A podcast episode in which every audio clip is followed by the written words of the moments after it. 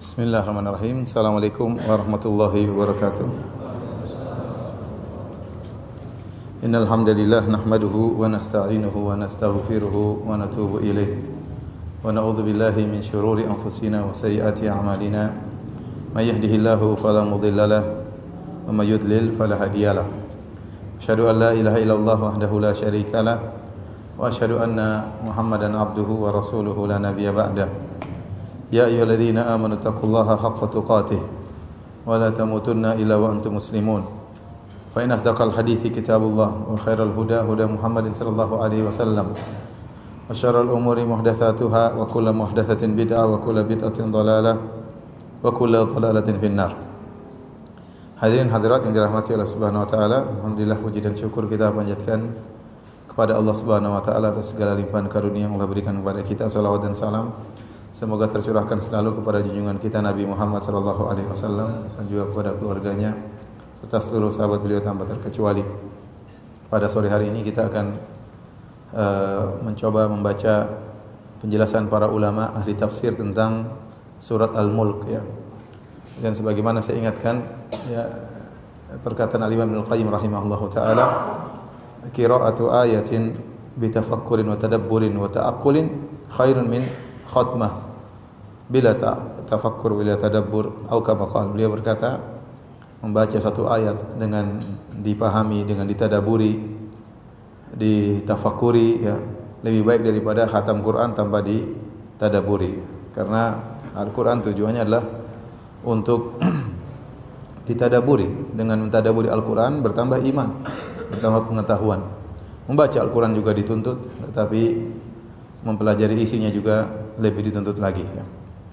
Dan sungguh indah di bulan Ramadan seperti ini kita mempelajari ayat-ayat Allah Subhanahu wa taala dan pada kesempatan kali ini kita akan membahas tafsir dari surat Al-Mulk. Uh, surat Al-Mulk ya uh, disebut adalah surat Makkiyah turun di waktu Nabi wasallam sebelum berhijrah. Dan banyak hadis-hadis yang datang yang menyebutkan tentang keutamaan baca surat Al-Mulk tetapi kebanyakannya hadisnya dhaif, kebanyakan hadisnya dhaif. Seperti hadis uh, Rasulullah SAW bersabda, "Hiyal mani'ah, hiyal munjiyah, tunjihi min adzabil qabr." Bahwasanya surat Al-Mulk adalah surat yang mencegah, surat yang menyelamatkan menyelamatkan pembacanya dari azab kubur. Hadis ini kata Imam Tirmizi hadisun hasanun gharib hadis hasanun gharib biasanya Imam Tirmizi mengatakan demikian pada hadis yang dhaif ya. Namun datang ya uh, dua hadis yang saya dapati yang sampai pada derajat hasan ya. Di antaranya uh, hadis kata dari Abu Hurairah radhiyallahu anhu kata Nabi sallallahu alaihi wasallam inna suratan min kitabillah ma hiya illa 30 ayat ada sebuah surat dalam Al-Qur'an hanya 30 ayat. Syafa'at li rajulin hatta akhrajathu minan nar yaumal qiyamah. Surat ini akan memberi syafaat kepada seorang sampai akhirnya surat ini mengeluarkan orang tersebut dari neraka jahanam pada hari kiamat kelak. Wa adkhalathul jannata dan surat ini pun masukkan orang tersebut dalam surga. Wa hiya suratu Tabarak yaitu surat Al-Mulk, surat Tabarak. Ini hadis kata Tirmizi hadisun hasan dan dihasankan oleh Al-Busiri. Demikian juga hadis Ibnu Mas'ud. Beliau berkata qala Rasulullah SAW Rasulullah SAW bersabda surah Tabarak ya hiyal mani'ah min adzabil qabr eh, surat eh, Tabarak adalah pencegah dari azab kubur ya. Dan hadis ini dihasankan oleh Al-Munawi, Ibnu Hajar dan Al-Albani rahimahullahu taala. Namun tidak disebutkan uh, harus dibaca tiap malam. Adapun yang disebutkan harus dibaca tiap malam hadisnya dhaif ya. Oleh karenanya uh, surat Tabarak mencegah atau menyelamatkan seorang dari azab kubur artinya seorang perhatian terhadap surat ini. Perhatian sebagian perkataan sebagian ulama ziyadatul ihtimam bihadis surah. Lebih perhatian terhadap surat ini bisa menyelamatkan dari azab kubur. Entah dia baca sering atau dia mengerti tafsirnya atau yang lainnya. Intinya surat ini di antara salah satu pencegah dari adab kubur. Namun tidak disyaratkan harus dibaca setiap malam. Baik. Allah Subhanahu wa taala membuka firman-Nya Tabarakalladzi biyadihil mulku wa huwa ala kulli syai'in qadir. Tabarak artinya ta'azama ya, maha agung uh, dari al-barakah dan al-barakah artinya kathur khairuhu yaitu maha agung zat yang begitu sempurna sifat-sifatnya begitu banyak kebaikannya yang di mana keagungannya dan kesempurnaan kebaikannya uh, sampai kepada makhluknya. Oleh karenanya Allah memberikan keberkahan kepada makhluk-makhluk yang Allah pilih. Disebut Allah adalah wahibul barakah. Allah yang menentukan ini berkah itu berkah terserah Allah Subhanahu wa taala. Tapi Allah zatnya sendiri adalah zat yang berkah yang penuh dengan keagungan dan kesucian dan kebaikan. Dan yang menentukan suatu itu berkah atau tidak hanya Allah Subhanahu wa taala karena dia wahibul barakah dia yang menganugerahkan keberkahan kepada tempat yang dia kehendaki kepada waktu yang dia kehendaki kepada benda yang dia kehendaki.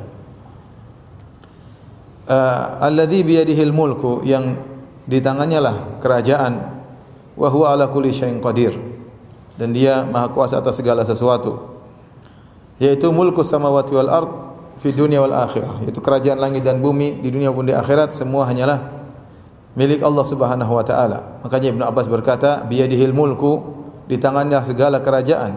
Yu'izzu man yasha. Allah memuliakan siapa yang Allah kehendaki. Wa yudhillu man yasha.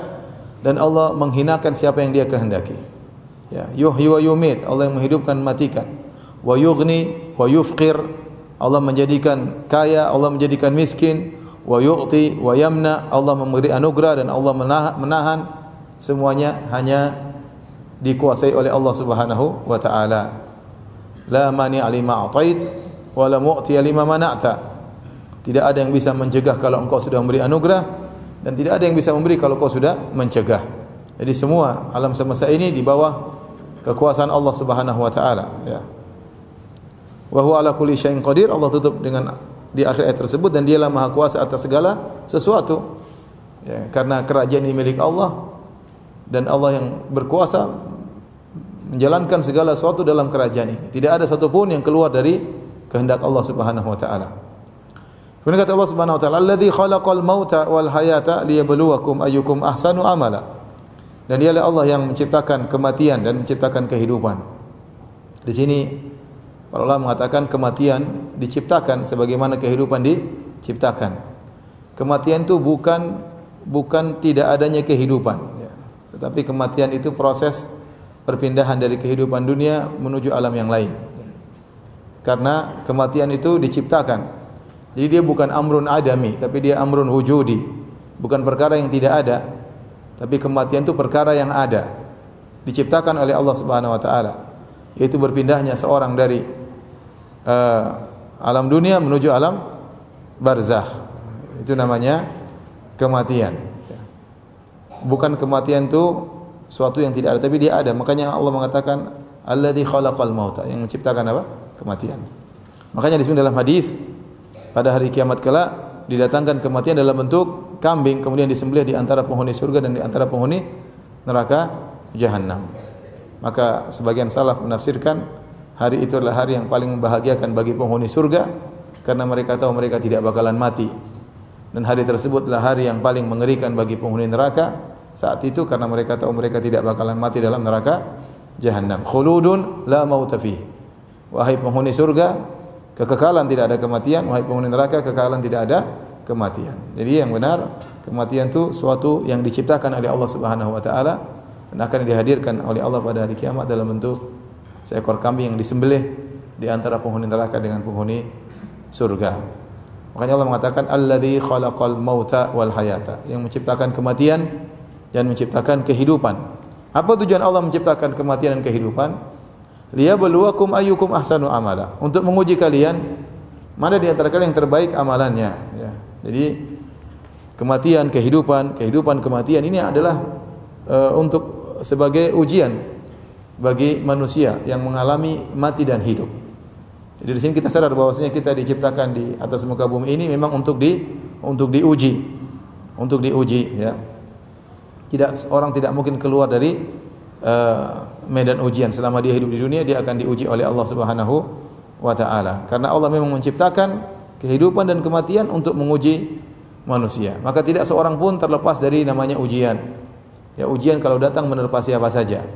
Baik si miskin maupun si kaya. Apakah rakyat jelata dan juga pejabat maupun presiden. Mereka juga di diuji ya.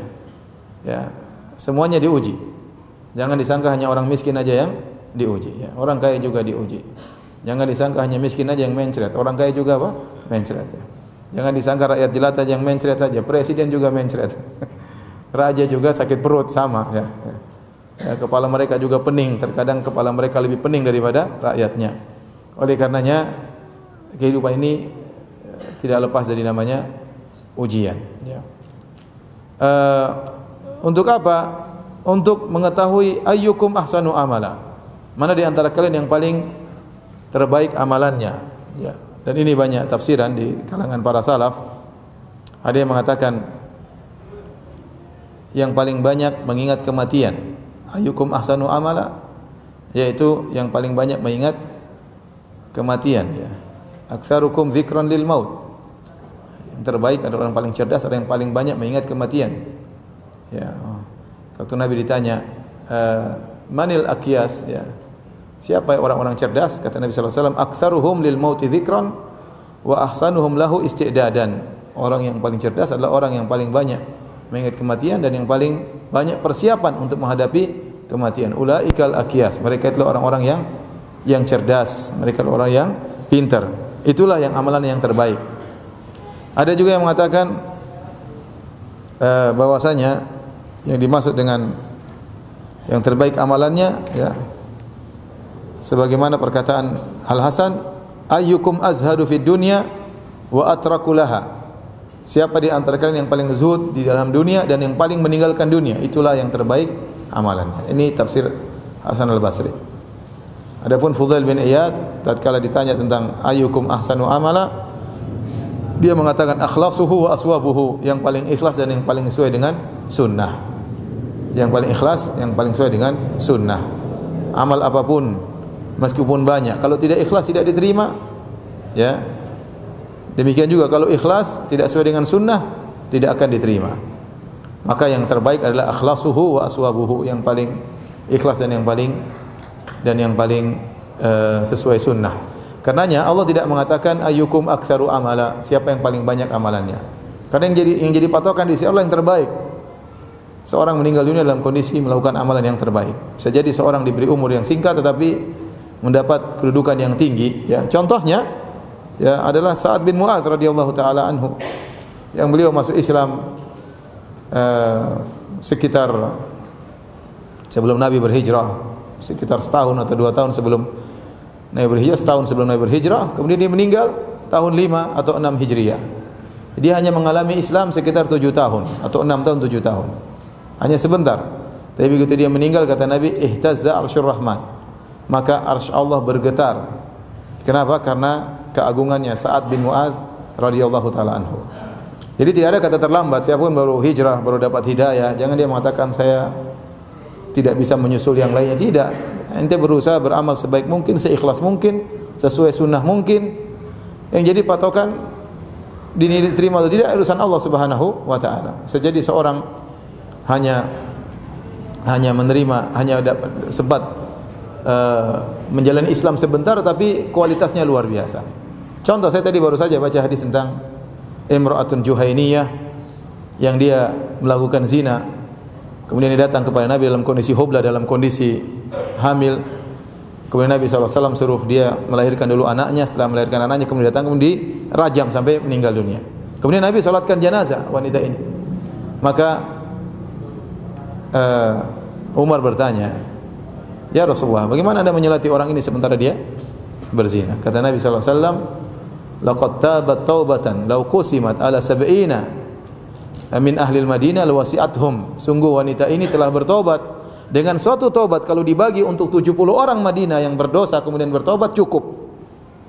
Menunjukkan dia melakukan satu amalan yang luar biasa, yang menunjukkan tobat itu bertingkat-tingkat. Ini tobatnya wanita ini sungguh luar biasa seandainya dibagi untuk 70 orang, tobat semuanya masuk surga, cukup dengan tobatnya satu wanita ini. Ini menunjukkan bahwasanya uh, bisa bisa jadi amalan orang tidak banyak tapi kualitasnya sangat luar luar biasa. Di sisi Allah Subhanahu wa taala. Lihat tadi saya katakan Sa'ad bin Muadz radhiyallahu taala anhu. Nah, kalau seorang membarengkan keduanya antara kualitas dan jam banyak ini luar biasa. Ya sebagaimana para salaf ya. Mereka memperhatikan kualitas dan juga kuantitas. Ya, mereka ibadahnya luar biasa sertai dengan kuantitas juga yang yang banyak. Tapi yang paling utama adalah kualitas. Bagaimana seorang bisa beribadah kepada Allah dengan yang terbaik, akhlasuhu wa aswabuhu yang paling ikhlas dan paling sesuai dengan sunnah Nabi sallallahu alaihi wasallam.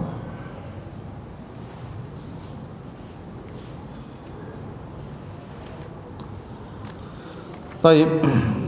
Kata Allah Subhanahu wa taala, "Wa huwal azizul ghafur." Dialah Maha uh, kuasa dan juga Maha pengampun.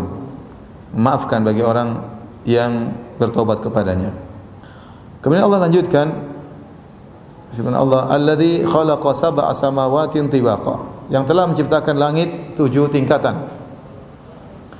Tujuh tingkatan ini ada dua pendapat di kalangan para ulama. Ada yang mengatakan tujuh tingkatan, seperti disebut oleh Ibnu Katsir rahimahullah taala, tujuh tingkatan yang maksudnya uh, dengan tebal yang setelah langit pertama langsung langit kedua langsung langit ketiga.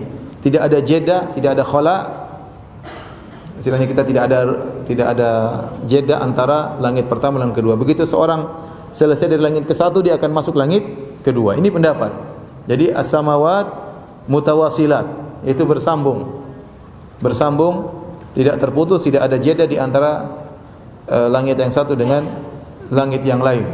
Jarak langit 500 tahun perjalanan. Dan begitu selesai langit pertama langsung lang masuk langit yang yang kedua. Ini menunjukkan alam semesta sangat sangat luas.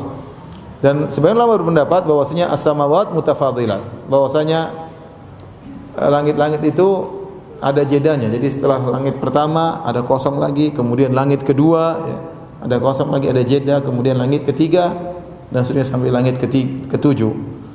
Dan Ibnu Katsir rahimahullah lebih cenderung kepada pendapat yang kedua. Intinya langit disusun oleh Allah ber, bertingkat-tingkat. Kata Allah, "Ma tara fi khalqir rahmani min tafawut." Engkau tidak melihat pada ciptaan Allah adanya iwijaj, adanya kebengkokan, adanya ketidakseimbangan. Di sini ma tara khalqir rahman, engkau tidak melihat pada ciptaan Allah. Ada dua tafsiran, ada yang mengatakan ciptaan Allah secara umum, ada yang mengatakan maksudnya langit. Dua-dua datang dari salaf, ada yang mengatakan ciptaan Allah secara umum semuanya sempurna. Antum melihat apa saja semuanya sempurna, pohon sempurna, hewan-hewan sempurna dengan bentuknya, dengan uh, apa namanya? manusia sempurna semuanya, pohon, semua ciptaan Allah sempurna. Gunung dengan indahnya, laut dengan keindahannya, semua dengan porsinya kalau bahasa kita. Semua dengan apa? Porsinya. Tidak ada yang keluar dari uh, aturan atau aneh ya. Ini secara umum seperti itu. Semua ciptaan Allah sempurna sesuai dengan porsinya. Kalau Allah ciptakan hewan maka hewan ini sempurna. Seperti inilah hewan tersebut. Ya. Allah ciptakan kambing dengan begitu modelnya supaya kita mudah untuk makan, begitu rasanya, semua sudah sempurna, sudah diatur seperti seperti itu. Ya. Dan Allah ciptakan singa dengan begitu modelnya, itu juga dengan kesempurnaan. Tidak ada yang uh, ganjil dari ciptaan-ciptaan Allah. Ini tafsiran pertama. Tafsiran kedua, maksudnya langit. Langit begitu sempurna, begitu kokoh, kemudian bertumpuk, ya bersusun. Kemudian begitu banyak yang diletakkan di langit.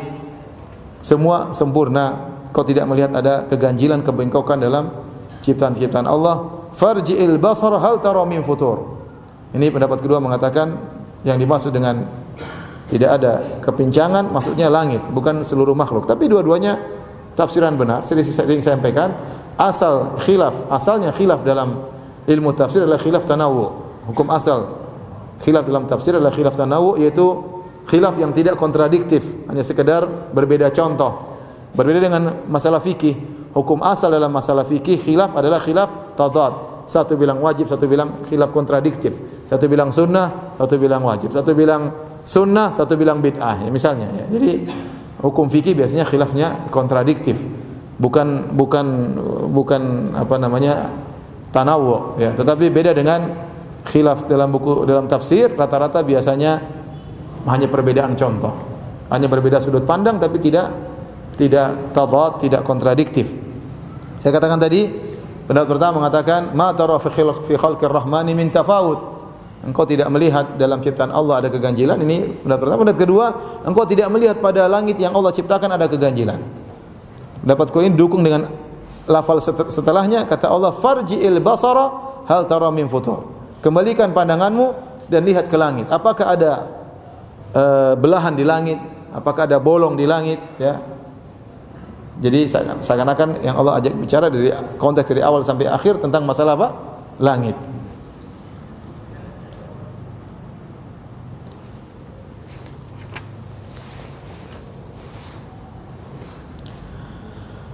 Dan uh, futur maksudnya asyukuk yaitu belah terbelah dan langit tidak akan terbelah. Terbelah nanti pada hari kiamat ya dengan proses uh, idza sama'un fatarat. Kemudian idza sama'un syaqqat kemudian baru wa idza sama'u kushitat. Di, nanti dibelah pada hari kiamat.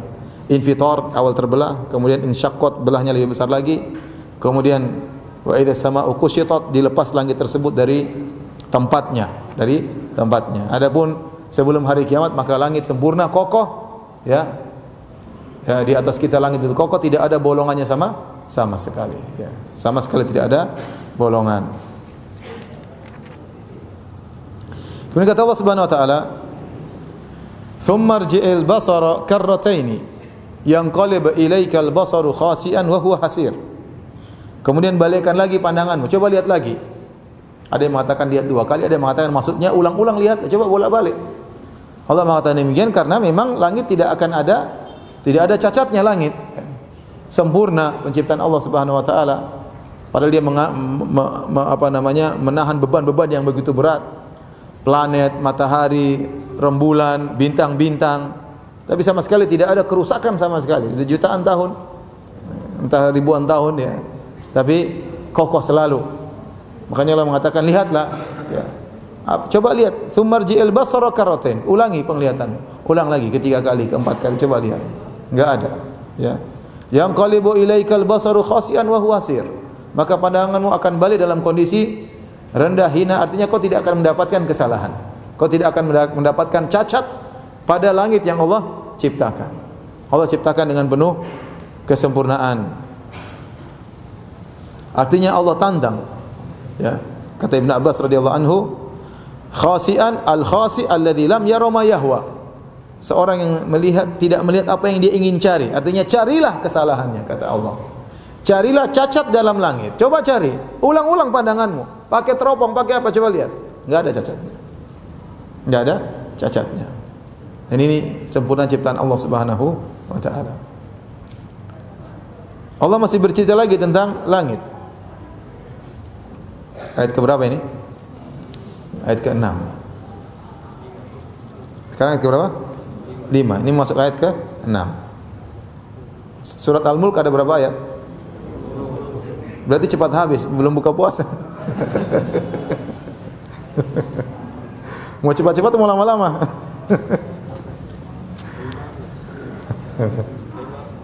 nah, sekarang ayat ke-6.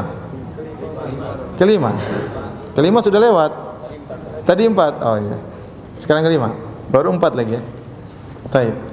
Kata Allah, "Wa laqad zayyana as-samaa'a ad-dunya bimasabiha wa ja'alnaha rujuman lisyayatin." Sungguh kami telah menghiasi langit dunia. Allah mengatakan langit ini langit yang paling bawah. Makanya, apakah bintang-bintang semua yang kita lihat matahari, galaksi-galaksi itu baru langit yang pertama?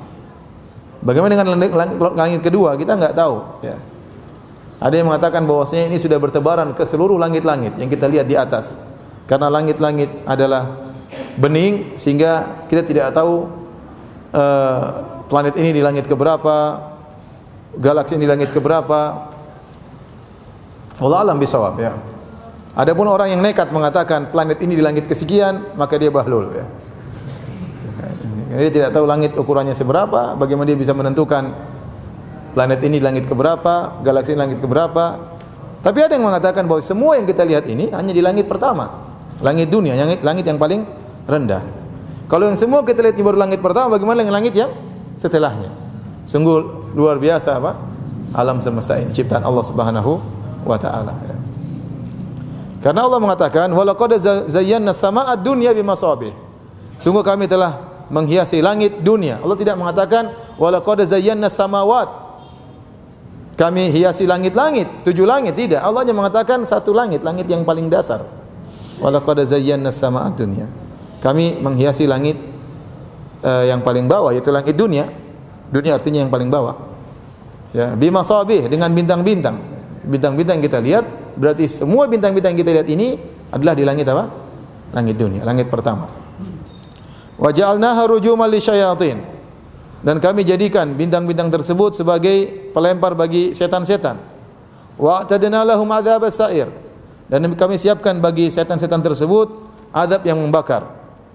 Walilladzina kafaru bi rabbihim adzabu jahannam. Dan bagi orang-orang yang kafir mereka mendapatkan adab jahannam wa bi'sal masir dan seburuk-buruk tempat kembali.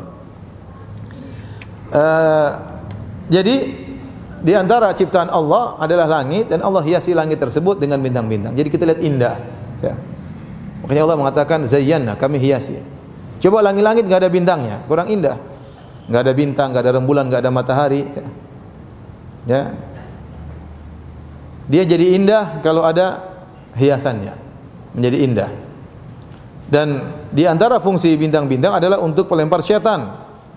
Oleh karenanya Qatadah rahimahullah taala Ibnu Di'am As-Sadusi mengatakan bintang itu ada tiga fungsinya. Khalaqallahu taala nujuma li thalath. Sungguhnya Allah ciptakan bintang-bintang itu dengan tiga tujuan. Yang pertama zinatan lis sama sebagai penghias bagi langit. Yang kedua rujuman li syayatin untuk melempar syaitan. Yang ketiga alamatin yuhtada biha wa alamat. Wa bin najmi hum yahtadun.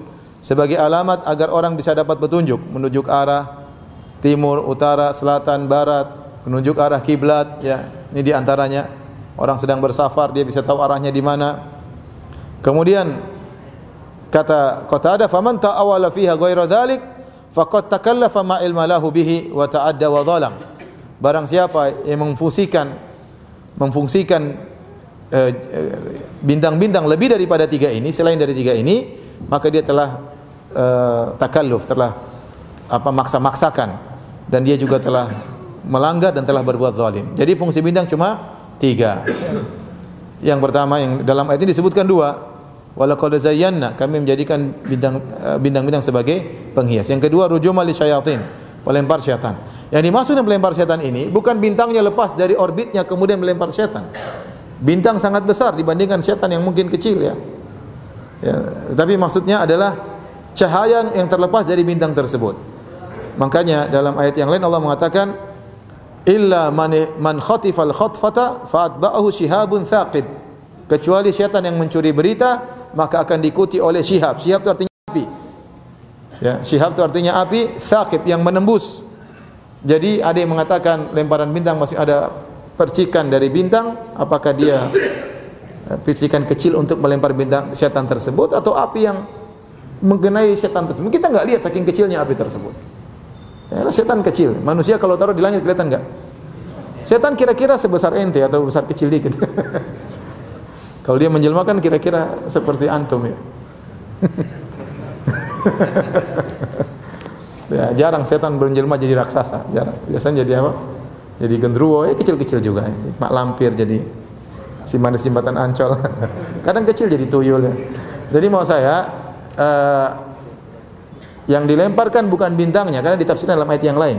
Bau shihabun thaqib. Ya. Maka ada api yang melempar ya melempar setan tersebut yang berusaha mencuri bintang. Mungkin kita enggak lihat Allah alam bisawab ya. Saking kecilnya tetapi ada, ya. Tetapi ada.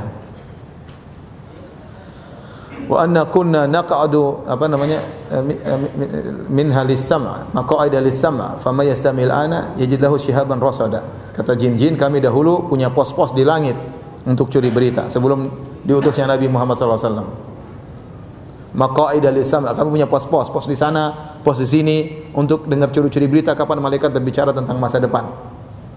Tetapi sekarang barang saya mencoba-coba maka dia akan mendapatkan syihaban rasada. Dia akan dapati api yang mengintai. Ya. Susah untuk selamat. Oleh karenanya, dukun zaman sekarang hampir-hampir tidak bisa benar. Kalau dukun zaman dulu sebelum Nabi diutus banyak dia diutus banyak benarnya. Oleh karenanya uh, Fir'aun saja dengar dari dukun akan lahir Musa. Dukun benar atau tidak? Ternyata benar. Juga waktu Nabi mau diutus, dukun-dukun ngeramal akan muncul seorang nabi. Berita santer dari Yahudi, dari Nasrani, dukun-dukun juga meramal. Ya. Jadi dukun-dukun dulu banyak benarnya karena mereka kuat mencuri berita. Setan-setannya banyak. Tapi setelah Nabi diutus, tadi kata jin susah. Makanya kata Ibnu Hajar hampir-hampir tidak ada lagi yang bisa apa? mencuri berita. Taib. Kemudian kata Allah Subhanahu wa taala, "Wa'tadna lahum adzabas sa'ir." Kami siapkan bagi setan-setan yang mencuri-curi berita tersebut azab yang pedih, azab yang membakar. Sa'ir itu yang membakar. Walilladzina kafaru bi rabbihim adzabu jahannam. Demikian juga orang-orang kafir bagi mereka azab jahannam. Wa bi'sal masir dan sungguh buruk tempat kembali mereka. Kemudian kata Allah Subhanahu wa taala, "Idza ulqu fiha" Jika mereka dilemparkan dalam neraka jahannam, sami'u laha syahiqan wa hiya tafur. Maka mereka mendengar suara syahik dari neraka jahanam tersebut.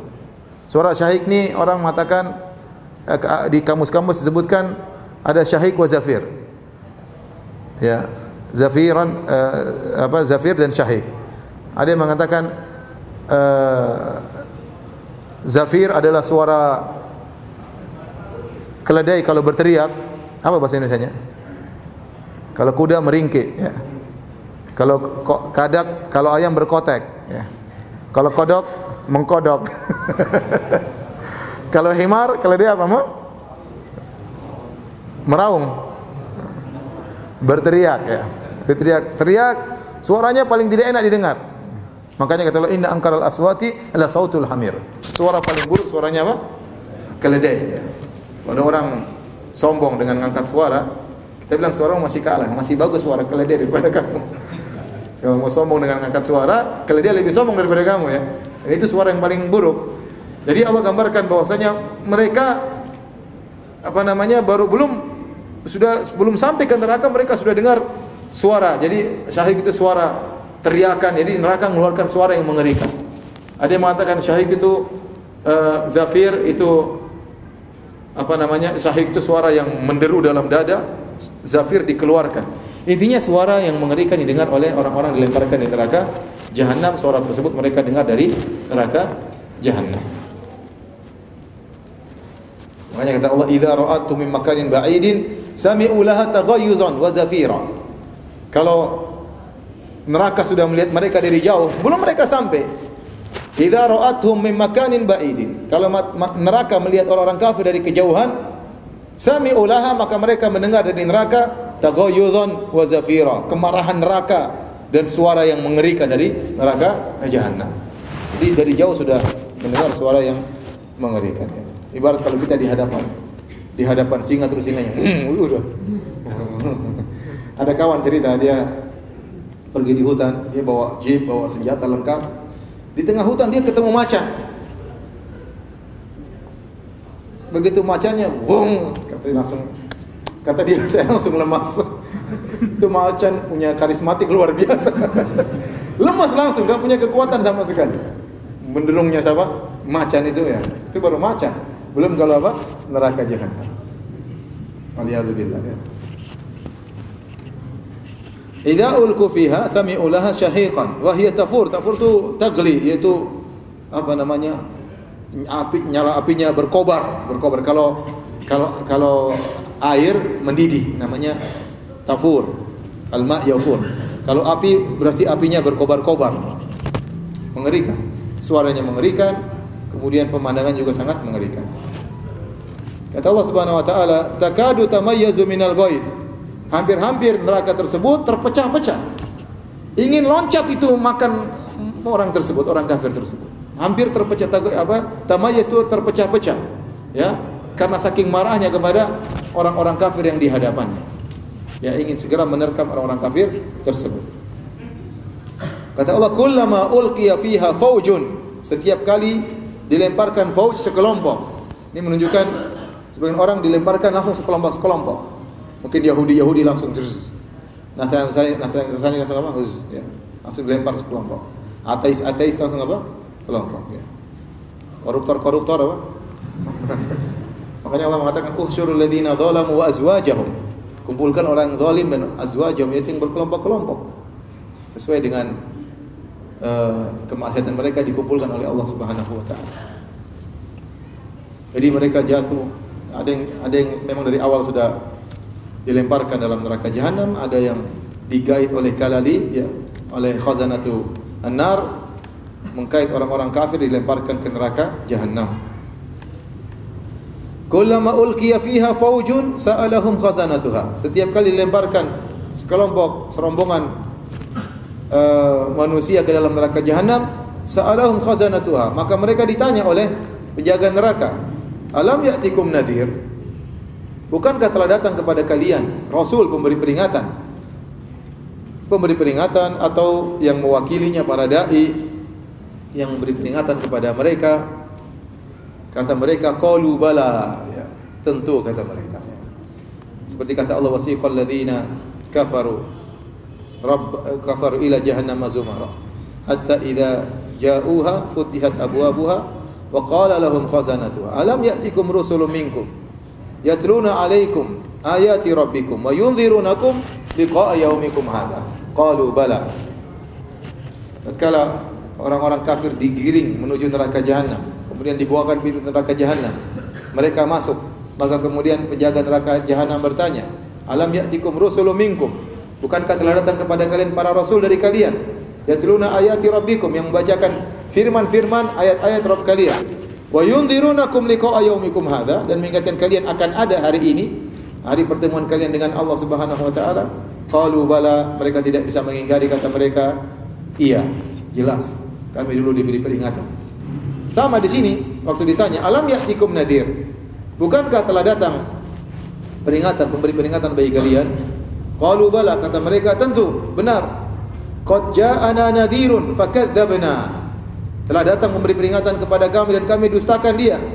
Wa qulna ma nazzalallahu min syai' dan kami katakan Allah tidak turunkan sama sekali, tidak mengirim rasul, Allah tidak turunkan ayat. Kau hanyalah pendusta wahai rasul. In antum illa fi dhalalin kabir. Semuanya kalian sedang berada dalam kesatan yang nyata. In antum illa fi dhalalin kabir. Tidak lain kalian itu sedang berada dalam kesatan yang nyata. Ini ada dua tafsiran.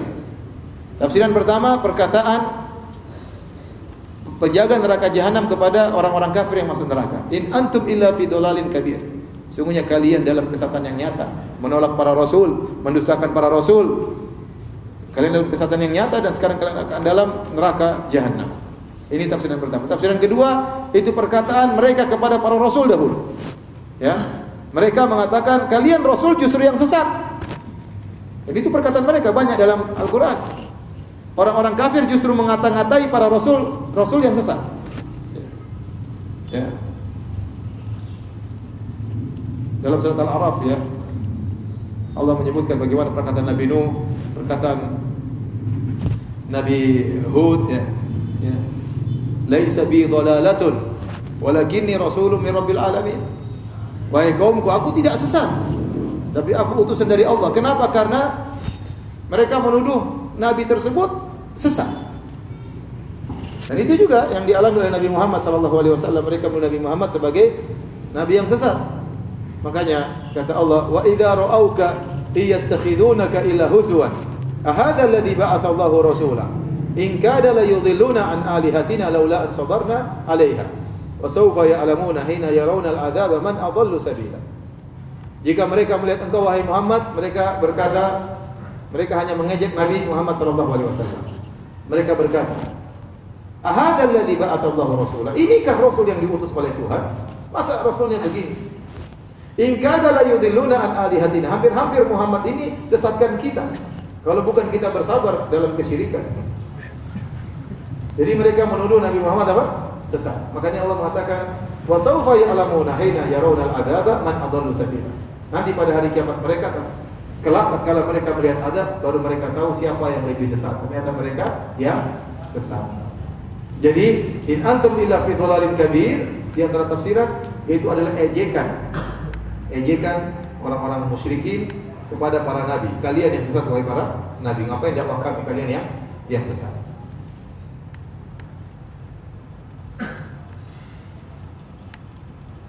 Wa qalu law kunna nasma'u aw naqilu ma kunna fi ashabis sa'ir.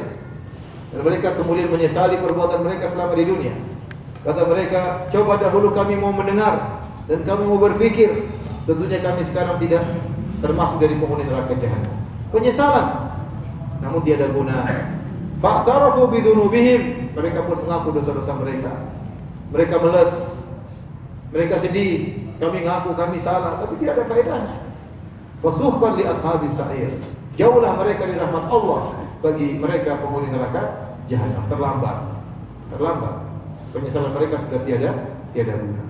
Seandainya penyesalan tersebut sebelum mereka meninggal dunia, tentu mereka akan selamat. Akan tapi mereka menyesal setelah mereka dalam neraka jahanam.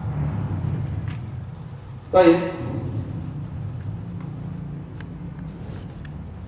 Ayat keberapa sekarang?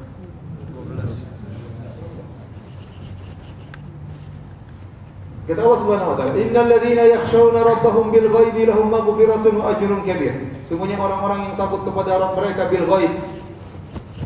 Bil ghaib maksudnya ada beberapa tafsir yang akan menjelaskan. Lahum maghfiratun wa ajrun kabir bagi mereka ampunan dan bagi mereka pahala yang besar. Apa maksudnya ini? Maksudnya ini secara umum ada dua uh, dua pendapat. Yang pertama, Maksudnya innal ladzina yakhshawna rabbahum bil ghaib. Sungguhnya orang yang takut kepada Rabb, Rabb mereka bil ghaib dengan hal-hal yang gaib. Ini tafsir yang pertama. Maksudnya takut dengan hal-hal yang gaib yang sudah Allah kabarkan.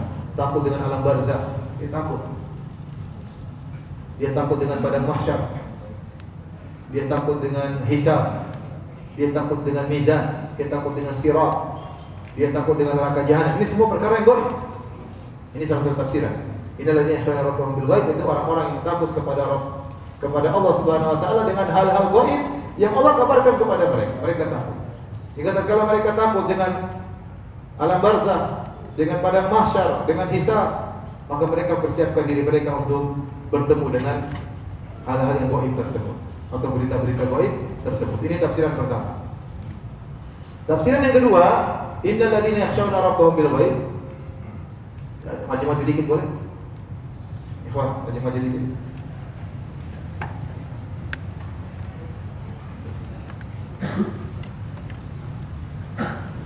Depan belakang waktu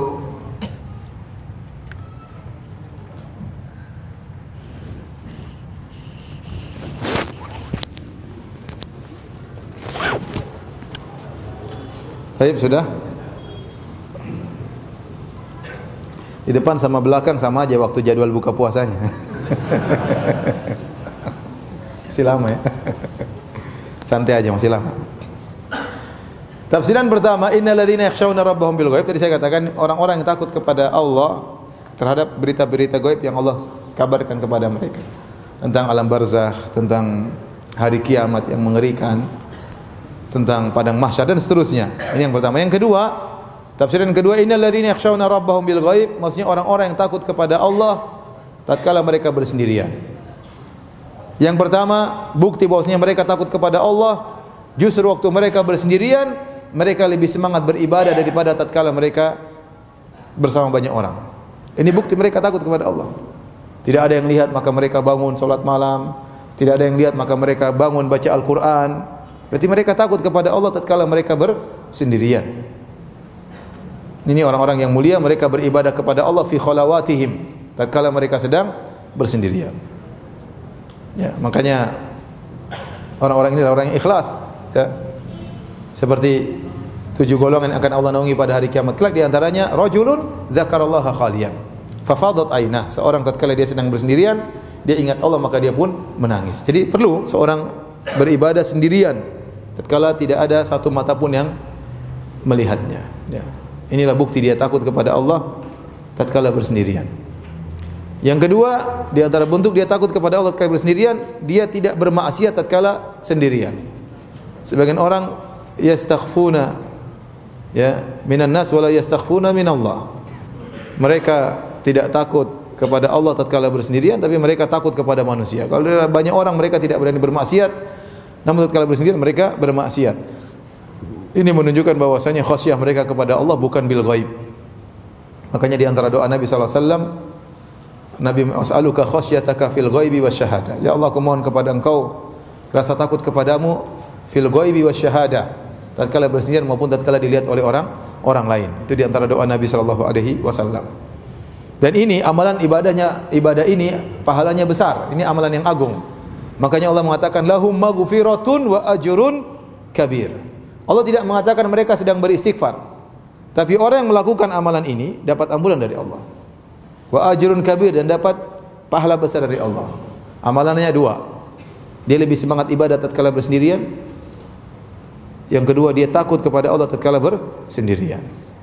Terutama seorang tatkala sendirian, tatkala bersafar, tatkala tidak bersama keluarga, ya, hati-hati. Zaman sekarang banyak sekali godaan, kita bisa lihat di HP, di internet, ya. Mau ber, melalang buana, berkelana, merantau di HP, mau lihat apa saja bisa. Ya. Melihat apa saja bisa. Oleh karena seorang bertakwa kepada Allah, ya. Tatkala dia bersendirian, maka dia akan mendapatkan ampunan dari Allah kemudian dia akan mendapatkan ganjaran yang besar.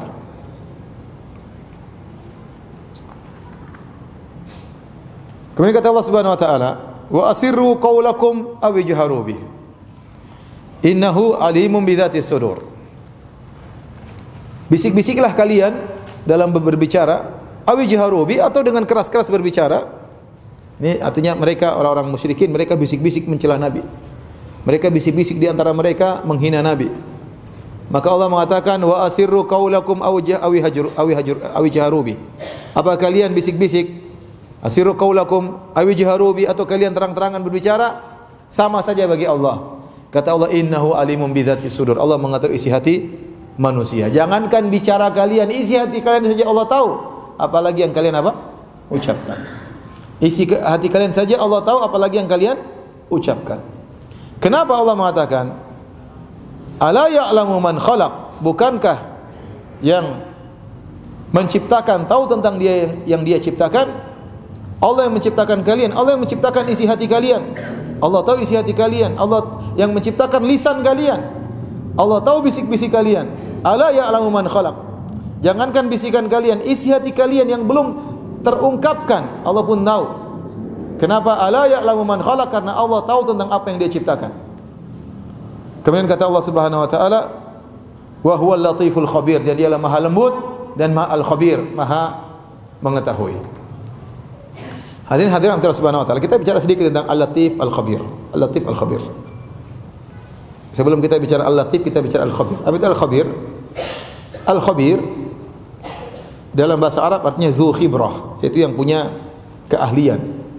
Kalau kita bicara tentang manusia, orang tidak dikatakan khabir kecuali dia belajarnya mendalam, bukan hanya sekedar tahu sekilas tidak, benar dia mendalami, bahkan mungkin dia mengadakan eksperimen-eksperimen, penelitian, dia tahu betul seluk-beluknya, luar dalamnya dia ngerti. Sambil dikatakan khabir. Kalau bahasa Indonesia namanya pakar. Apa? Pakar. Ini pakar apa? Ini pakar mobil. Dia tahu betul, oh ini penyakitnya gini ngerti isinya apa ini karena penyakit. Dia ngerti semuanya. Ya. Satunya lagi pakar apa? pakar bakso misalnya dia bakso gini satunya pakar janda bahaya jadi khabir itu pakar kalau bahasa kita pakar ahli hmm. dan dia lebih spesifik daripada al-alim kata para ulama ada al-alim, al-khabir, al-syahid ini beda-beda tapi al-khabir lebih spesifik daripada al-alim yaitu dia mengetahui secara detail. Makanya kalau Allah mengatakan wa huwa alimun bi wa huwa khabirun bima ta'malun. Sungguhnya khabir tentang apa yang kalian lakukan, tentang amal perbuatan kalian. Kalau mengatakan khabir bima ta'malun, Allah khabir tentang apa yang kalian lakukan. Artinya Allah tahu bagaimana amal kalian, bagaimana proses terjadinya amalan kalian, apa latar belakang kalian melakukan amalan tersebut dan bagaimana sesudah amalan tersebut Allah tahu seluruhnya secara detail. Secara detail. Itu disebut dengan apa? Khabir. Khabir. Makanya tatkala Allah sebut khabir, Allah hanya bukan bukan hanya khabir tentang amal seseorang, bahkan Allah khabir tentang dosa seseorang. Makanya kata Allah Subhanahu wa taala, ya wa kafa bi rabbika bi dzunubi ibadihi khabiran basira. Cukuplah Allah Subhanahu wa taala khabir dengan dosa-dosa hamba-hambanya. Makanya Allah tahu kita melakukan dosa itu detail Allah tahu. Ini orang ini dosa. Dia melakukan dosa bagaimana prosesnya, latar, latar belakang dia melakukan dosa, bagaimana dosa yang terjadi, apa dampaknya Allah tahu secara secara detail. Ya. Makanya Allah sebutkan tentang pandangan mata, Allah sebutkan kalimat khabir. Kata Allah, "Qul mu'minina yaghuddu min absarihim wa yahfadhu furujahum, dzalika azka lahum, innallaha khabirun bima yasnaun." Katakanlah kepada para laki tundukkan pandangan mereka dan jaga kemaluan mereka itu lebih suci bagi mereka. Sungguhnya Allah khabir dengan apa yang mereka kerjakan. Kenapa Allah datangkan khabir di sini kata sebagian ulama? Karena orang waktu tidak menundukkan pandangan itu hanya sekedar ngelirik sedikit, Ya, bisa jadi orang di depannya tidak tahu apa yang dia lirik. Mungkin dia lagi sama istrinya, dia ngelirik cewek, istrinya mungkin nggak tahu. Tapi Allah Maha tahu atas lirikannya. Ya'lamu kha'inatal a'yun. Allah tahu pengkhianatan lirikan mata. Ya, yang yang mungkin tidak disadari oleh orang sekeliling kita. Tapi Allah khabir dengan apa yang kita lirik. Bahkan Allah tahu dalam relung-relung hati seseorang. Tatkala dia suudzon, tatkala dia ria, tatkala dia ujub. Allah tahu dosa kita secara detail karena Allah sifatnya khabir. Wa kafa bi rabbika bi dhunubi ibadi khabira. Allah mengetahui dosa-dosa hambanya dengan khabir. Di antara makna apa? Khabir. Jadi mengetahui secara secara detail. Ya. Makanya waktu Allah mengabarkan tentang orang-orang yang berdoa kepada mayat, kata Allah Subhanahu wa taala, In tad'uuhum la yasma'u du'aakum walau sami'u mastajabu lakum wa yaumal qiyamati yakfuruna bi syirkikum wa la yunabbi'uka mithlu khabir. Kata Allah Subhanahu wa taala kalau kalian berdoa kepada mereka mereka tidak bakalan dengar berhala-berhala tersebut. Nabi-nabi yang kalian sembah, wali-wali yang kalian minta doa kepada mereka. Ya, in tad'uuhum la yasma'u du'aakum. Kalau kalian minta kepada mereka mereka tidak dengar. Kemudian Allah sebutkan seandainya kalau mereka dengar, walau sami'u mastajabu lakum, kalau mereka dengar pun mereka tidak bakalan bisa memenuhi permintaan kalian. Wa yaumal qiyamati yakfuruna bisyirkikum. Nanti pada hari kiamat mereka akan kufur, berlepas diri daripada kesyirikan kalian. Kemudian kata Allah, wala yunabbi'uka mithlu khabir. Tidak ada yang bisa kabarkan seperti ini kecuali Allah. Yang tahu hakikat mayat, yang tahu hakikat nabi, yang tahu hakikat mereka nanti hari kiamat, yang tahu cuma siapa? Allah karena Allah tahu secara detail. Makanya Luqman berkata kepada anaknya, "Ya bunayya, innaha in takum mithqala habbatin min khardalin fatakun fi sakhra aw fi samawati aw fil ardi ya'ti biha Allah, innallaha latifun khabir." Wahai putraku, apa yang kau lakukan, kebajikan atau keburukan atau maksiat, meskipun hanya sebesar biji sawi sangat kecil, meskipun kau sembunyikan dalam batu besar, tersembunyi dalam batu enggak ada yang lihat. Au fi samawat atau kau lempar maksiat tersebut di langit sana, di ruang angkasa. Di langit ketujuh misalnya. Au fil ardi atau kau benamkan dalam bumi, ya'ti biha Allah. Allah akan datangkan. Kenapa? Karena Allah tahu, inna Allah latifun khabir. Karena Allah khabir. Jadi itulah khabir. Allah tahu secara detail dan Allah Subhanahu wa taala ahli dalam hal ini, pakar dalam hal ini. Di antara khibrahnya Allah adalah tentang mentak takdir. Allah mentakdirkan segala sesuatu dengan khibrah. Bukan dengan abas bukan dengan sekedar asal cipta asal bikin asal takdir enggak. Contoh Allah mengatakan inna rabbaka yab inna rabbaka yabsutu rizqa liman yasha'u wa yaqdir. Innahu kana bi ibadi khabiran basira. Sungguhnya Rabbmu lah yang telah melapangkan rizki dan yang telah menyempitkan rizki sebagian orang dilapangkan rizkinya sebagian orang di sebagian orang disempitkan rizkinya Kenapa? Allah tidak asal-asalan, tidak. Kata Allah, "Inna Allah kana bi ibadi khabiran basira." Allah itu khabir, Allah tahu mana yang lebih maslahat kepada hambanya. Ini yang cocok dia pantas untuk miskin, dia pantas untuk kaya. Allah tahu. Makanya Allah mengatakan, "Lau basatallahu rizqa li ibadihi, la baghaw fil ardi." Seandainya Allah lapangkan rizki kepada semua orang, maka mereka akan melakukan melampaui batas di atas muka bumi. Ini ada yang minum khamar, ada yang ini macam-macam karena kaya terus, semuanya kaya. Makanya tidak semua dikasih kaya oleh Allah Subhanahu wa taala. Walakin yunazzil biqadari ma yasha. Tetapi Allah turunkan rezeki sesuai dengan ukuran yang Allah kehendaki. Kata Allah, innahu bi ibadihi khabirun basir. Karena Allah khabir terhadap hamba-hambanya. Maka kalau kita tahu bahwasanya Tuhan kita ini khabir, ahli, pakar, maka ini memudahkan kita untuk bersabar tatkala kita terkena musibah, melihat suatu kejadian, kita tahu yang menciptakan ini semua ini adalah pakar. Dia tidak bikin sembarangan, dia ada hikmahnya, dia tahu aturannya. Dia tahu kapan dia turunkan ini, kapan dia timpakan musibah ke sini, kapan dia beri bencana di sana, dia sudah Maha tahu. Kapan kita dibikin sakit, kapan kita dibikin susah, kapan kita dibikin senang, Allah yang tahu semuanya. Ya. Maka itu namanya takdir. Kalau ibarat seorang insinyur mau bikin rumah, dia harus matang perhitungannya semuanya. Dia ukuran ini, ukuran ini, begini materialnya sekian sekian sekian baru dia bikin rumah jadi sesuai dengan yang dia kehendaki, insinyur itu hebat. Nah, Allah sebelum menciptakan alam semesta Allah sudah takdirkan semuanya. Allah sudah tahu bagaimana ceritanya, apa yang terjadi semuanya, tidak ada yang abad, tidak ada yang sia-sia. Afa hasibatum annakum annama khalaqnakum abatha? Apa kalian menyangka kami menciptakan kalian dalam kondisi hanya sekedar main-main saja? Tidak. Jadi dengan kita tahu Allah khabir, kita terima dengan takdir Allah, kita tahu bahwasanya ini semua sudah ditakdirkan sesuai dengan kadar yang Allah kehendaki. Ini makna khabir. Adapun latif, Latif kalau kita bahasa Arabnya ya maha lembut. Maksudnya apa? Maha lembut Allah Subhanahu wa taala mengetahui di, kata Ibnu Qayyim, latif ini dimaknakan dengan dua. Yang pertama maknanya seperti khabir, mengetahui perkara-perkara yang detail sampai secara detail lengkap bagaimana sesuatu tersebut. Yang kedua, latif maksudnya Allah menyampaikan kepada hamba-hambanya kemaslahatan-kemaslahatan yang tidak disadari oleh para hamba min haitsu la yash'urun tapi mereka sadari. Makanya ucapan ini diucapkan uh, Nabi Yusuf alaihissalam. Waktu Nabi Yusuf ketemu dengan kedua orang tuanya setelah terpisah ada yang mengatakan belasan tahun, ada yang mengatakan 40 tahun, ada yang mengatakan 80 tahun baru ketemu dengan Nabi Yakub.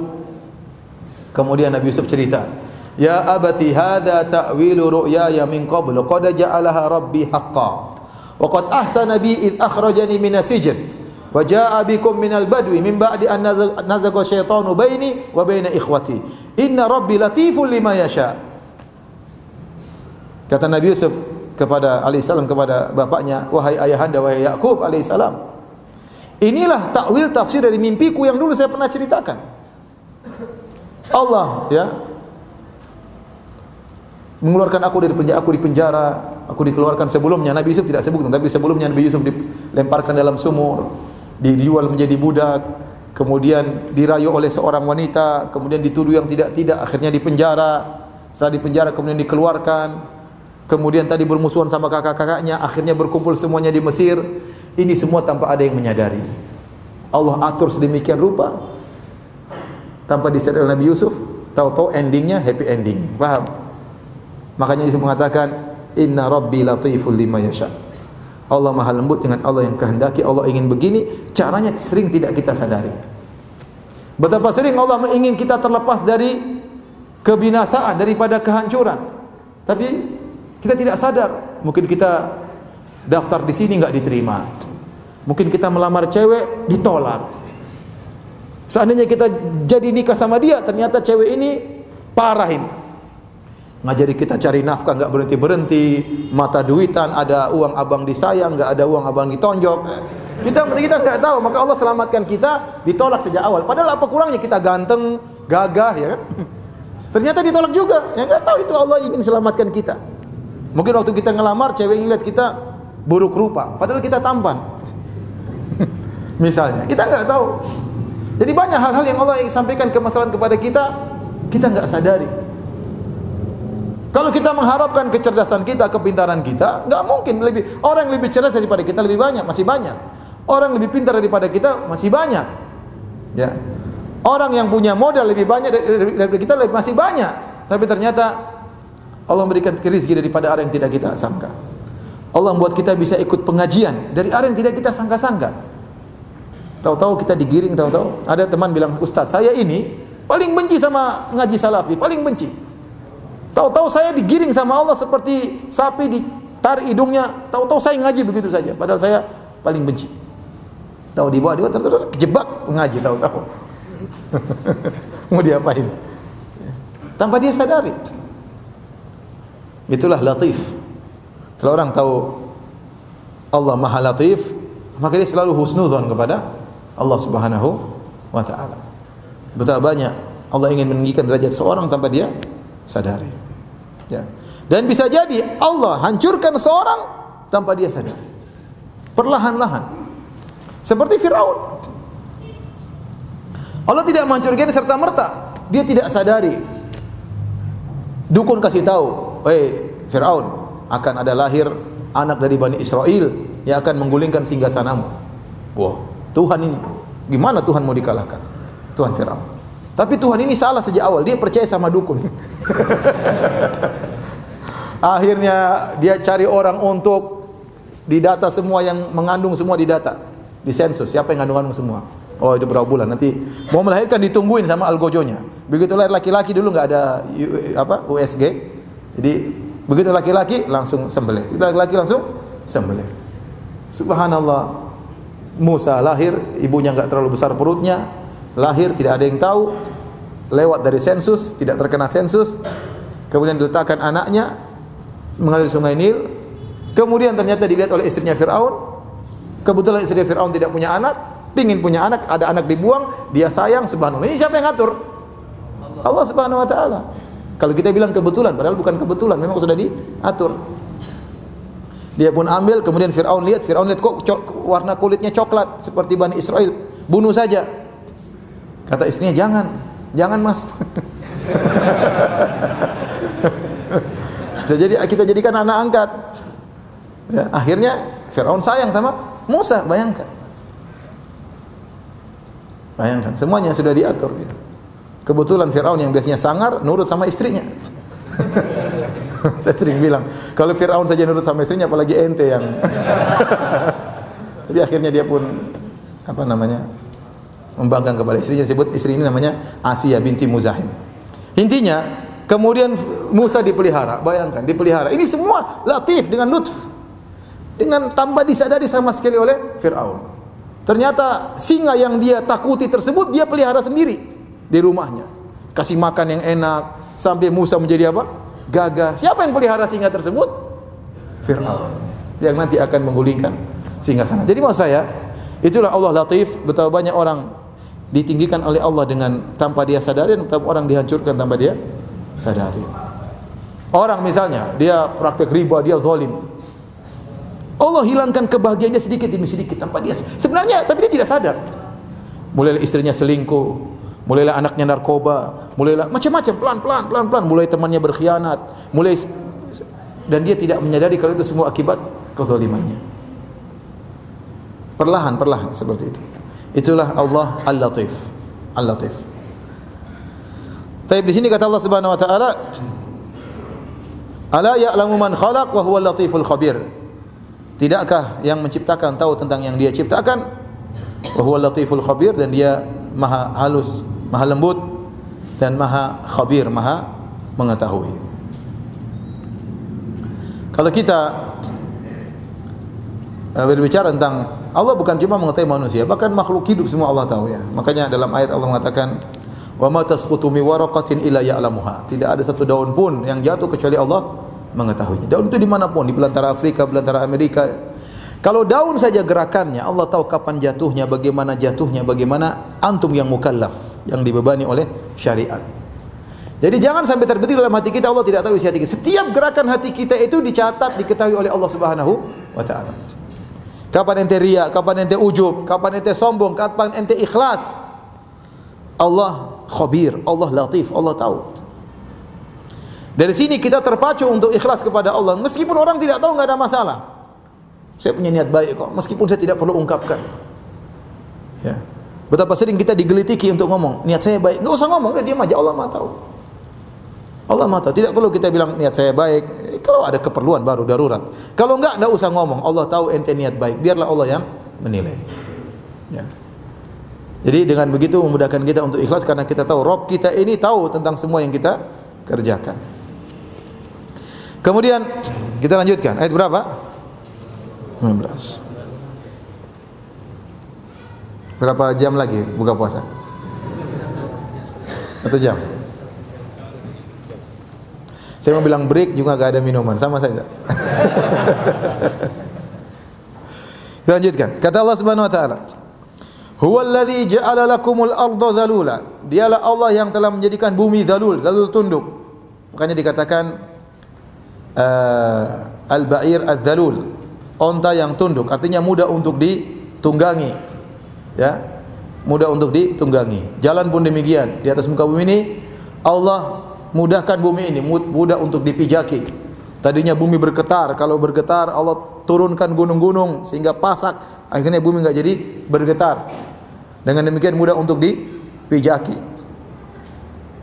Kata Allah, "Famshu fi manakibiha." Berjalanlah di atas manakibnya. Manakib ini ini ada khilaf, dua pendapat di kalangan para tafsir. Ada yang disebut dengan manakib ay atrafil ard, yaitu ke penjuru bumi. Silakan berjalan ke mana pun mudah ke penjuru bumi. Ada yang mengatakan manakibiha ai aljibal yaitu gunung-gunung. Karena mankib dalam bahasa Arab artinya pundak. Dan pundak itu fi aalil insan yaitu di bagian tinggi seorang manusia. Ada yang mengatakan mankib maksudnya fi atrofil insan di ujung-ujungnya. Artinya ada dua pendapat secara bahasa. Ada yang mengatakan famshu fi manakibiha artinya berjalan di penjuru bumi kau akan dapati mudah ke ke mana-mana mudah. Kau mau ke Papua gampang jalan. Di Papua jalan juga mudah. Mau ke Turkiya, mau ke Eropa, mau ke Amerika, mau ke Australia, mau ke Bintaro, ya sama, mudah. Jalan mudah, enggak enggak susah. Bisa dipijaki, bisa ditempuh oleh seorang manusia. Ini pendapat pertama. Pendapat kedua, famshu fi manakibiha ay famshu fi jibaliha. Jangankan yang di bawah, kau naik gunung pun bisa kalau kau mau naik. Gunung-gunung banyak orang mendaki gunung, artinya bisa didaki. Tidak kemudian kepleset jatuh mati ke enggak mudah. Di nah kalau yang tinggi-tinggi saja mudah kau daki mudah bisa kau jalani apalagi yang di bawah. Ini dipilih oleh Ibnu Qayyim rahimahullah taala. Kemudian kata Allah Subhanahu wa taala wa kulu min rizqi dan makanlah dari rizki yang ada di atas muka bumi rizki Allah di atas muka bumi ini. Wa ilaihin nusyur dan kepada Allah kalian akan kembali. Ini dalil bahwasanya untuk cari rezeki butuh usaha karena Allah menggandengkan antara masyu berjalan dengan makan rizki. Maka namanya tawakal yang benar itu harus ada apa? Usaha. Berbeda kalau kita sudah kejebak dengan suatu perkara, tidak mungkin lagi ada usaha. Tinggal usaha doa kepada Allah. Maka Allah bisa jadi menimbulkan akibat tanpa ada sebab. Tapi tidak boleh seorang menjebak dirinya dengan sebab untuk meraih akibat tanpa sebab. Enggak boleh. Contoh. Saya mau berdakwah tapi saya nggak mau bawa HP, saya nggak mau bawa duit. Sedekah ke mana? Saya mau pergi ke Papua. Terus gimana nggak bawa duit nggak bawa? Tenang, saya yakin Allah akan kasih jalan sama saya. Ya, terus gimana caranya? Ente ke Papua nggak mungkin jalan kaki. Ente pasti naik pesawat naik apa? Kapal. Ya akhirnya nanti akhirnya nanti menyusahkan orang. Ente berhasil, berhasil memang ke mana? Papua, tapi menyusahkan orang. Saya pernah ditanya, Ustaz ada orang berdakwah ke naik kapal, waktu diperiksa dia zikir ya Ustaz, biar nggak biar kelewat. Saya bilang ente merugikan negara, tahu nggak seperti itu? Ente kira kapal tuh gratis jalan tidak pakai minyak. Nggak boleh seperti itu. Tidak boleh seorang menjebak dirinya seperti itu. Ada sebagian orang berdakwah, dia nggak bawa HP supaya tidak dikontak sama istrinya. Ya istrinya susah, akhirnya susah. Ini kejadian. Akhirnya istrinya ada perlu telepon sama kawan-kawan, kawan-kawan yang tolong. Suaminya nggak peduli, HP-nya dimatiin. Ini tidak diajarkan dalam syariat seperti ini. Tawakal itu harus ada usaha. Makanya Nabi SAW mengatakan, "Lau annakum tatawakkaluna haqqa tawakkulih, la razaqakum kama yarzuqut tayr." Kalau kalian bertawakal dengan tawakal yang sungguhnya, Allah akan beri rezeki kepada kalian sebagaimana Allah berikan rezeki pada burung. Ya. Takdu khimasan wa taruhu bitana. Pergi dalam kondisi perut kosong terbang di pagi hari balik dalam kondisi perut sudah kenyang. Tapi dia terbang. Burung tersebut apa?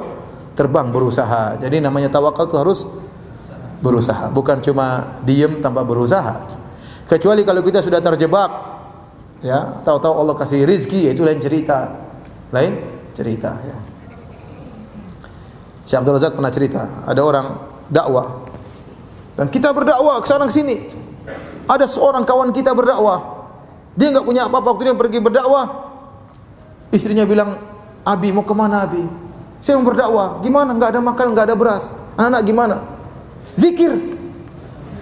Terus suaminya berdakwah, masak, taruh air, taruh batu, nanti jadi. Akhirnya istrinya berzikir, tahu-tahu dibuka sudah ada makanan. Ini kan cerita kan? Ini cerita membuang semua dalil, ratusan dalil terbuang gara-gara cerita ngawur seperti ini.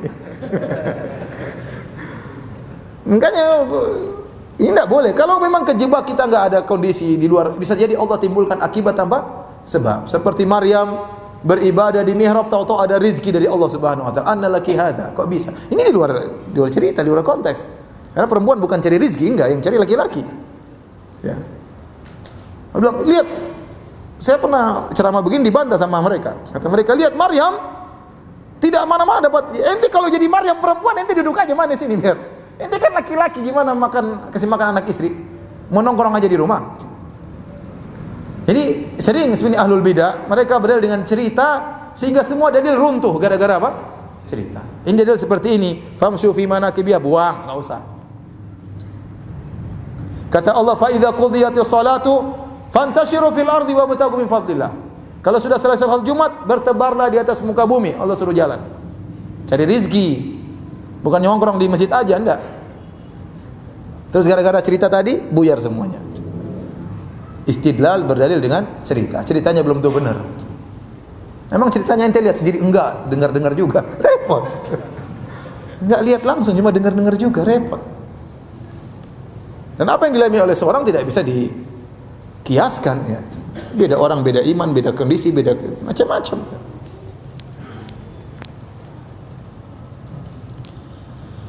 Kata Allah Subhanahu wa taala, "Kulu min rizqi wa ilaihi nusyur" dan kepada Allah lah kalian akan kembali. Jadi perlu diingat seorang cari rezeki silakan, tapi dia harus tahu dia akan kembali kepada Allah Subhanahu wa taala. Makanya kalau cari rezeki jangan lupa kepada syariat, jangan lupa kepada ngaji, jangan lupa kepada salat. Ya, Allah tidak melarang orang yang cari rezeki, bahkan Allah suruh. Tapi Allah ingatkan wa ilaihi nusyur. Dalam ayat ini kata Allah, "Famshu fi manakibiha wa kulu min rizqi wa ilaihi nusyur." Berjalanlah di atas penjuru bumi, carilah rezeki, ingat kalian akan kembali kepada Allah. Jadi harus punya bekal akhirat.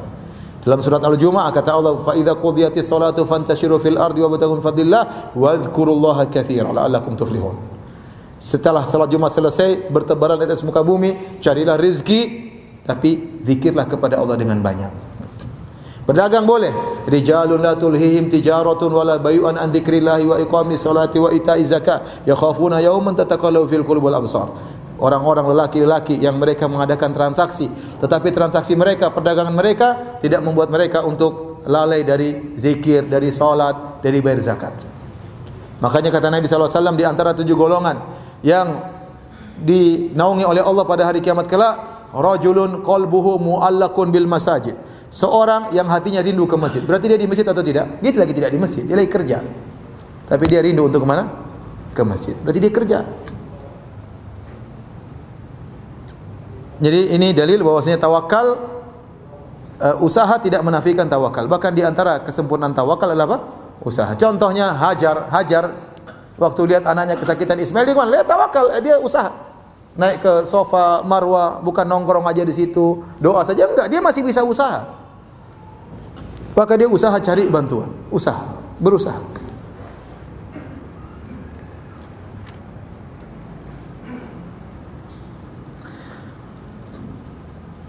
Kemudian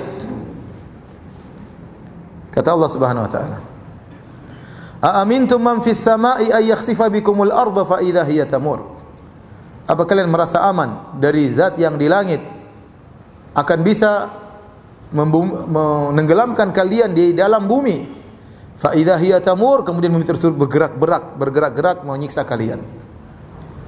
Jadi uh, ini peringatan meskipun Tuhan kalian di atas langit, jangan kalian merasa aman.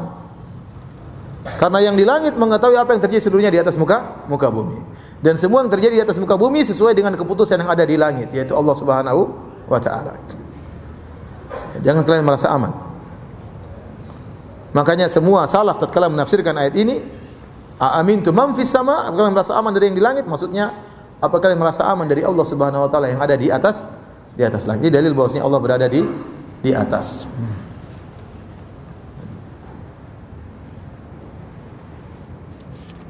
Fa idza hiya tamur yaitu bergetar, bergerak. Seperti dalam hadis ya, bainama rajulun yamshi ya. Tatkala seorang berjalan dengan dua hullahnya, dua gaunnya yang indah, dia tabakhtaru fihima dan dia sombong dengan dua gaunnya tersebut. Id khusifa bihi fil ard kemudian dia ditenggelamkan dalam bumi. Wa huwa yatajaljalu fiha ila yaumil qiyamah atau kama qala Nabi sallallahu alaihi wasallam. Kemudian dia pun dibenamkan dalam bumi dan dia digerakkan sampai hari kiamat. Ini salah satu sebab uh, bahaya kesombongan. Pernah ada kejadian seorang sombong dengan bajunya, kemudian Allah benamkan dalam bumi, kemudian dia digoncangkan sampai hari kiamat kelak. Fa khasafna bihi wa bidarihi al-ard. Allah membenamkan Qarun yang sombong. Fa kharaja ala qaumi fi dia keluar dengan penuh sombongan dengan hartanya dengan budak-budaknya. Tiba-tiba Allah benamkan. Ya. Jadi kalian jangan merasa aman. Bisa saja Allah kalau berkehendak Allah benamkan kalian. Dan sekarang kejadian kita lihat orang terbenam. Allah di langit dia di bumi dia merasa aman. Apalagi dia tinggal di tempat tinggi ternyata Allah bisa benamkan dia meskipun dia di tempat yang tinggi kalau Allah berkehendak mudah bagi Allah Subhanahu wa tinggal kun fayakun Am amintum man fis samai ayursila alaikum hasiba. Apa kalian merasa aman dari Allah yang ada di langit akan mengirimkan kepada kalian hasiba? Batu, hujan batu. Ya, dan ini pernah Allah timpakan kepada kaum Lut. Ya, kaum Lut mereka diangkat kemudian di setelah diangkat dibanting kemudian mereka jatuh dari langit sambil dilempar dengan hujan batu ya. Fasata'lamuna kaifa nadhir dan kalian akan mengetahui bagaimana peringatanku. Bagaimana hukumanku kepada orang yang membangkangku. Jadi Allah ingatkan ini surat Makkiyah Allah ingatkan kepada orang-orang Quraisy yang mereka e, membangkang kalau Allah berkehendak Allah bisa turunkan hujan batu kepada kepada mereka. Setelah itu Allah berfirman tentang kuasa Allah Subhanahu wa taala ya. Kata Allah Subhanahu wa taala Awalam yarau ila tayri fawqahum. Tidakkah mereka melihat kepada burung di atas mereka? Safati wa yaqbidun. Safat maksudnya burung-burung tatkala melebarkan sayap mereka waktu mereka berterbangan. Itu namanya safat. Wa yaqbidun maksudnya mereka burung-burung apa? Tatkala mau turun dia atau dia hingga suatu tempat dia menutup apa? sayapnya. Ya. Siapa yang bisa menahan mereka? Mayum sikuhunna illa rahman. Tidak ada yang bisa menahan burung-burung tersebut di langit kecuali Allah Subhanahu wa taala. Betapa banyak hewan yang bentuknya seperti burung tapi tidak bisa terbang. Sayapnya juga ada, contoh bebek nggak bisa terbang. Padahal sayapnya ada, unggas juga, ayam juga nggak bisa apa? Terbang. Kalau Allah berkehendak, Allah yang tahan mereka sehingga mereka bisa terbang. Ya. Allah yang menahan mereka. Mayum sikuhuna ilar rahman, tidak ada yang menahan mereka kecuali Ar-Rahman innahu bikulli syai'in basir sungguhnya Allah Maha melihat atas segala sesuatu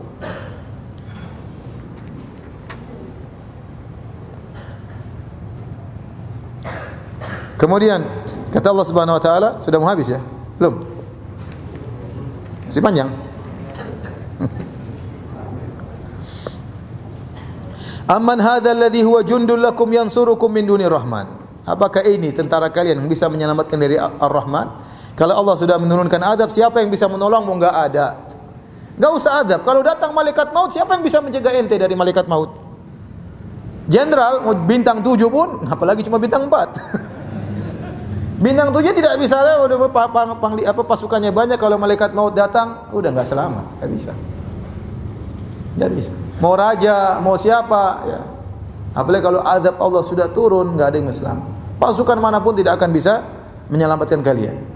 Inil kafiruna illa fi gurur. Sungguh orang kafir terpedaya. Mereka menyangka mereka bisa melawan, mereka bisa anu. Ya. Apalagi seperti Abu Jahal yang begitu sombong, angkuh. Ya.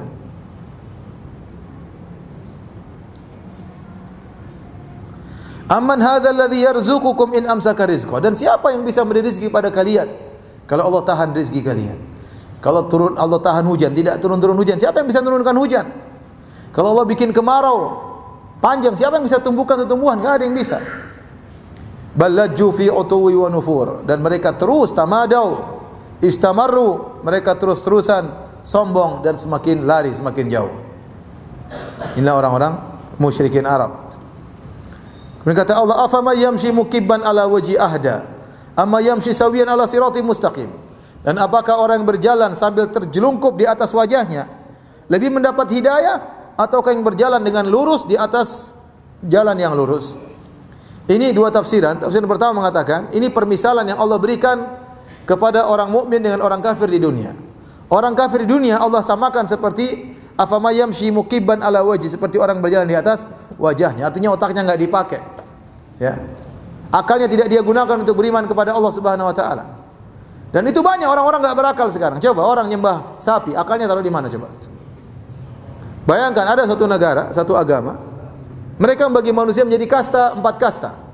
Kasta yang terakhir, ya, dihinakan, harus jadi pelayan, dihinakan, pokoknya rendah. Tetapi di balik itu mereka mensucikan sapi hewan. Subhanallah. Otaknya taruh di mana? Taruh di kepala. Bayangkan manusia mereka hinakan, sapi mereka sembah. Coba. Sapi yang jorok yang nggak punya akal, yang pipis sembarangan, beol sembarangan, lebih suci daripada manusia kasta tersebut. Menyedihkan. Sampai sebagian mereka berkata, Gandhi berkata bahwasanya sapi lebih ikhlas daripada ibu saya. Sapi lebih baik daripada ibu saya. Kenapa? Karena namanya ibu itu merawat anaknya masih butuh pamrih dari anaknya, enggak ikhlas. Tapi kalau sapi kita minum susunya, dia ikhlas. Kenapa dia ikhlas? Karena dia bahlul, dia enggak ngerti ikhlas. Coba, otak taruh di mana? Makanya, afama yamshi mukibban ala wajhi. Orang kafir seperti orang jalan di atas kepala. Kepala itu bu buat mikir, buat bukan buat jalan. Ini bukan orang bilang otakmu jangan taruh di dengkul, otakmu taruh di kaki. Orang kafir. Gimana? Gimana Anda menyembah manusia Nabi Isa? Nabi Isa itu bukan Tuhan ya, akhi. Di mana otak Anda? Nabi Muhammad Tuhan Nabi Isa itu sakit, Nabi Isa itu makan, Nabi Isa lapar, Nabi Isa tidur, Nabi Isa salat, Nabi Isa berdoa, Nabi Isa bayar zakat. Masa Tuhan bayar zakat? Masa Tuhan berdoa? Apa enggak mikir? Masa Tuhan bawa Injil, bawa risalah? Ya akhirnya Tuhan enggak perlu pakai kitab suci, ngomong langsung dong. Ya? Ini kitab suci ngapain? Berarti dia bukan Tuhan, dia Rasul. Taruh di mana otaknya? Gimana Tuhan dikejar-kejar sama pencipt yang dia ciptakan? Dicipt, dikejar sama orang-orang apa? Romawi, mau ditangkap. Tuhan kabur, subhanallah. Tapi ya sudahlah. Benar, mukibban ala wajhi, otak enggak dipakai. Tapi itu yang terjadi. Apalagi yang nyembah api, dia yang nyalakan api, dia sembah sendiri. Gimana orang majusi? Api dia nyalakan, dia jaga. Ini Tuhan dia jaga, dia sembah. Subhanallah. Gimana orang menyembah matahari, menyembah rembulan, ya akhir matahari rembulan itu makhluk. Begitu aja kerjaannya, kemudian dianggap Tuhan. Kalau ada orang ngalur ngidur dari Bintaro ke dari mana? Dari Asuna ke Asof bolak-balik itu. Dianggap Tuhan, bolak-balik enggak pernah berubah. Matahari kan gitu tiap hari terbit, terbenam, terbit, terbenam. Enggak ada kegiatan. Dia cuma itu. Sementara Tuhan fa'alul lima yuri. Mah melakukan apa yang dikehendaki. Apa matahari punya kehendak? Kehendak apa coba? Disembah. Jadi demikianlah ya, orang-orang musyrikin jahiliyah Arab dahulu, mereka menyembah berhala. Tak taruh di mana? Enggak ada. Orang-orang sekarang nyembah mayat, otaknya taruh di mana coba? Mayat yang mereka mayat nggak bisa nggak bisa mandi dia yang mandikan, nggak bisa pakai baju dia yang kafankan, nggak bisa berdoa dia yang doakan, nggak bisa sholat dia sholatkan, nggak bisa pulang ke kuburan dia yang kuburkan. Setelah itu dia minta sama mayat tersebut. Kalau mayatnya bisa ngomong, ente ini bahlul banget ya. Saya ini sudah nggak bisa apa-apa, butuh doa ente, ente malah minta doa sama saya. Sudah kamu aja jadi mayat saya yang hidup. nggak ada otaknya. Mukibban ala wajhi. Otaknya bukan cuma di dengkul, di kakinya. Afama yamshi mukibban ala wajhi ahda amma yamshi ala siratim mustaqim. Apakah mau sama dengan orang yang berjalan di atas jalan yang lurus? Ini tafsiran pertama adalah kinayah tentang orang kafir di atas muka bumi dan orang mukmin. Tafsiran yang kedua adalah tentang hari kiamat. Di hari kiamat kelak mereka ya apa namanya yuhsyaruna ala wujuhim ya. Mereka dibangkitkan di atas wajah mereka dalam ayat Al-Qur'an disebutkan ya. Jadi mereka dibangkitkan dalam kondisi berjalan tapi di atas wajah mereka ya. Kadzalika naqussu 'alaika min anba'i ma qad sabaq. Ayat yang lainnya. Yusyaruna ala wujim summan wa bukman wa umya. Dalam ayat mereka dibangkitkan di atas wajah mereka kemudian terhina berjalan di atas wajah mereka pada mahsyar tersebut. Makanya seorang sahabat bertanya kepada Nabi, "Ya Rasulullah, kok bisa mereka berjalan di atas wajah mereka? Gimana caranya jalan di atas wajah?" Apa keluar kaki di sini kemudian jalan? Kata Nabi, "Alaisa alladhi amshahu ala rijlaini fid dunya qadiran ala an yumshiyahu ala wajhi fil, fil akhir atau kama qala Nabi sallallahu alaihi wasallam." Kata Nabi, "Bukankah Allah yang bisa buat mereka jalan dengan dua kaki di bumi, mampu untuk buat mereka berjalan atas kepala mereka?" Tentu mampu, bala. Ya Allah bikin begitu mereka bisa jalan di atas kepala kepala mereka. Tidak perlu latihan break dance dulu sudah bisa jalan di atas kepalanya nanti hari kiamat kelak. Kemudian kata Allah Subhanahu wa taala, "Qul huwallazi ansha'akum wa ja'ala lakum as-sam'a wal absara wal af'ida qalilan ma tashkurun." Dan dia Allah Subhanahu wa taala yang telah menciptakan kalian dan menjadikan bagi kalian pendengaran, penglihatan dan hati, jantung, qalilan ma tashkurun. Dan sungguh sedikit kalian bersyukur. Ini benar. Yang berikan kita penglihatan Allah, berikan pendengaran Allah. Subhanallah saya kemarin ngisi pengajian di Al-Azhar, ada kumpulan pengajian majelis taklim tuli. Orang tuli ikut pengajian. Nanti ada yang terjemahkan ini. Subhanallah. Kita diberi pendengaran, kita gunakan maksiat. Dengar gibah, dengar namimah, ya, dengar musik-musik, joget-joget, ya. Allah memberikan kita lisan dan kedua mata. Alam najhallahu ainain? Bukankah memberikan kedua mata? Kita gunakan melihat yang haram. Musibah zaman sekarang. Ya, cewek-cewek terbuka auratnya, ya macam-macam. Lagi di medsos di YouTube nonton berita yang bawa berita ceweknya seksi. Ya. TV mana yang berita pembawa beritanya pakai jilbab kemudian jilbabnya sunnah? TV mana? Ada tidak? Yang berita-berita itu ada nggak gitu? Ya, Gak ada, semuanya seksi kan? Semuanya seksi. Sekarang nonton berita, nonton berita nonton begini kan nontonnya.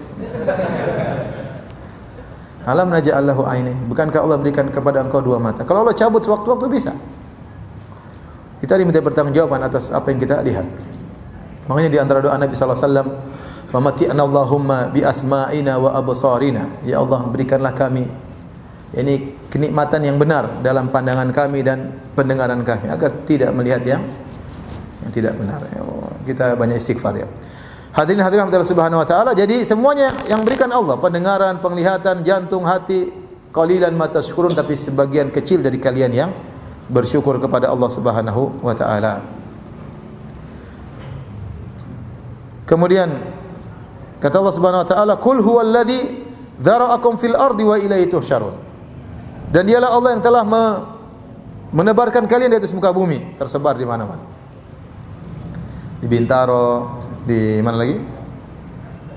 Di Jakarta Timur, Jakarta Utara, di negara yang lain manusia tersebar.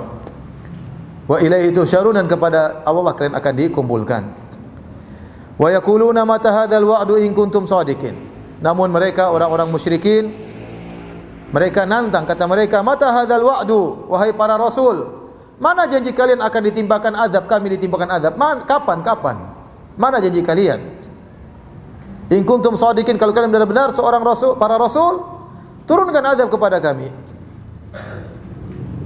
Katakanlah kul innamal ilmu indallah wa innama ana nadhirum mubin. Wahai Muhammad, katakanlah kepada mereka, ilmu tentang adab turun kepada kalian di sisi Allah. Aku hanyalah pemberi peringatan.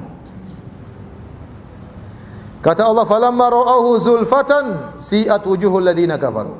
Tatkala nanti mereka melihat zulfa, zulfa itu kedekatan, dekat. Zulfa artinya dekat ya. Wa uzlifatil jannatu lil muttaqina ghairu ba'id. Surga didekatkan kepada orang beriman. Falamma ra'ahu tatkala mereka ra'aul azab, mereka melihat azab zulfatan dekat kepada mereka, si'at wujuhul ladina kafaru, maka jadi buruklah wajah mereka. Wa qila hadzal ladzi kuntum bihi tad'un dan dikatakan inilah yang kalian dulu minta-minta ini. Minta kapan azab, kapan azab, kapan azab.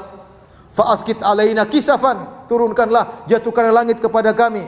Anzil alaina minas sama, turunkanlah batu kepada kami. Mereka begitu selalu orang-orang musyrikin. Katanya kau nabi, mana azabnya? Mana azabnya? Nanti enggak diadab di dunia, diadab di akhirat. Falamma ra'ahu zulfatan si'at wujuhul ladzina kafar. Ada yang mengatakan ini dia ditimpa oleh orang musyrikin tatkala dalam perang Badar. Waktu mereka mau tahu mereka bakalan kalah, mereka jadi ketakutan, wajah mereka menjadi terhinakan. Ada yang mengatakan maksudnya pada hari kiamat, wajah mereka menjadi buruk. Yaumut tabyaddu wujuh wa taswaddu wujuh. Hari di mana ada wajah berseri-seri dan ada wajah kehitam-hitaman yaitu orang-orang yang pelaku maksiat. Wajah mereka menjadi hitam dan hina. Wa qila hadzal ladzi kuntum bihi tad'un maka dikatakan inilah yang kalian minta-minta dulu. Yang kalian serukan ingin disiksa, inilah siksaannya telah datang. Ada yang mengatakan maksudnya wa qila hadzal ladzi kuntum bihi tad'un ay yang kalian seru-serukan, yang kalian katakan propagandakan la janna wala nar. Muhammad, ente hanya menghayal, enggak ada surga, enggak ada neraka. Mana surga, mana neraka? Enggak ada. Jadi mereka selalu begitu. Enggak ada hari kiamat, enggak ada surga, enggak ada neraka. Muhammad hanya berkhayal, Muhammad pembohong, asatirul awalin, hanya dongeng-dongeng orang terdahulu. Jangan percaya. Nah, ini yang kalian ingkari dulu, ini nih nerakanya. Ini di antara tafsiran ayat ayat ini.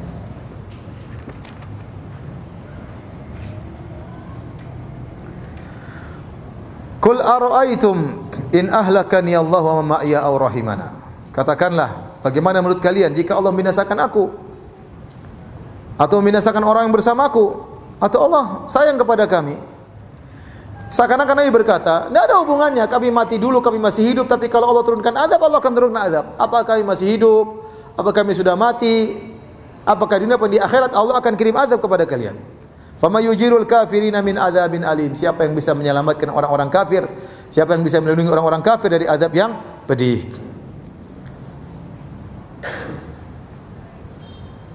Kul huwa rahmanu amanna bihi wa alaihi tawakkalna.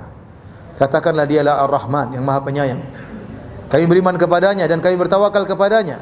Fasata'lamuna man huwa fi dhalalim mubin. Kalian akan mengetahui siapakah yang berada di atas kesesatan yang nyata.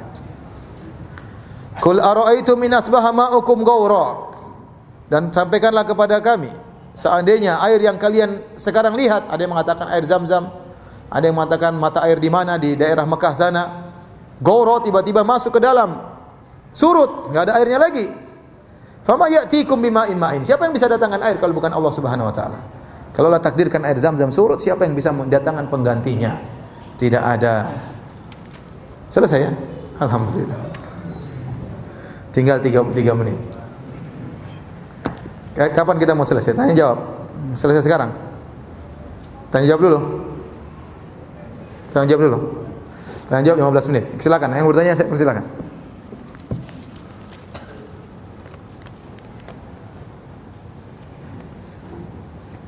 Sudah lapar semua, nggak ada yang tanya. Ini ada pertanyaan satu. Mohon penjelasan kaitan hadis setiap umatku dimaafkan kecuali yang terang-terangan bermaksiat dengan hadis Sauban. Suatu kaum bawa kebaikan sebesar gunung Tihamah lalu Allah jadikan debu karena bermaksiat diam-diam. Sekilas kedua hadis kontradiktif. Ya. Adapun hadis pertama kullu ummati mu'afan ilal mujahirin. Mu'afan bukan artinya dimaafkan dari mu'afat. Setiap umatku akan selamat, tetapi keselamatan melazimkan pemaafan. Tapi kalau terjemahan letter like-nya bukan setiap umatku dimaafkan, tidak. Kullu ummatin mu'afan artinya setiap umatku selamat. Diterima tobatnya oleh Allah misalnya, terjauhkan dari azab. Ilal mujahirin kecuali yang ber berlakukan maksiat terang-terangan. Terang-terangan maksudnya di depan orang umum, joget-joget, ya, berzina, dipamer-pamerkan, riba terang-terangan, ya. Silakan kantor riba, ya, misalnya. Ya. Mau uh, gade terjamin, riba terjamin, terang-terangan dia riba. Terang-terangan ini seperti ini susah untuk selamat. Ya. Kemudian kata Allah, "Wa inna minal muhajar mujahara." Kemudian kata Nabi, di antara bentuk terang-terangan yaitu orang bermaksiat sendirian, Allah tutup aibnya kemudian dia ceritakan besoknya. Jadi dua bentuk. Bentuk pertama memang sejak awal dia terang-terangan, dia terbuka. Yang kedua Allah sudah tutup, kemudian dia ceritakan. Ini semuanya termasuk mujahara bil maksiyah. Berkaitan dengan kaitan hadis Sauban ya bahwasanya Nabi berkata ya la ya'tiyanna aqwam min ummati ya'tuna bi amsalil jibali ya tihamah ya faja'alaha haba'an mansura atau kama qala Nabi sallallahu alaihi wasallam akan ada kaumku yang datang dengan pahala sebesar gunung Tihamah. Kemudian Allah jadikan pahala tersebut hancur lebur. Kemudian siapa mereka? Kata Rasulullah sallallahu uh, apa kaumun idza khalau bi maharimillah intahakuha. Mereka adalah orang tatkala bersendirian melakukan maksiat maka mereka melanggar ya. Hadis ini ditakwilkan oleh sebagian ulama. Ya, hadis ini berkaitan dengan orang-orang yang kafir, ada yang orang kafir ya. ya. Ada yang orang-orang munafik maksudnya ya. Orang munafik bukan bukan maksudnya orang yang soleh kemudian terkadang terjerumus dalam maksiat.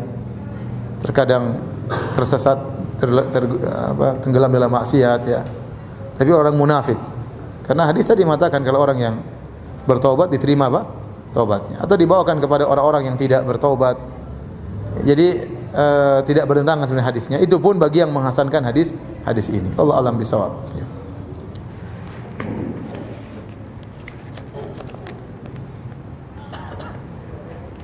Ustaz bagaimana tanggapan Ustaz mengenai rambut Rasul sallallahu alaihi wasallam? Yang sedang viral saat ini. Sekarang rambutnya lagi diapain sekarang? Saya ingin tahu.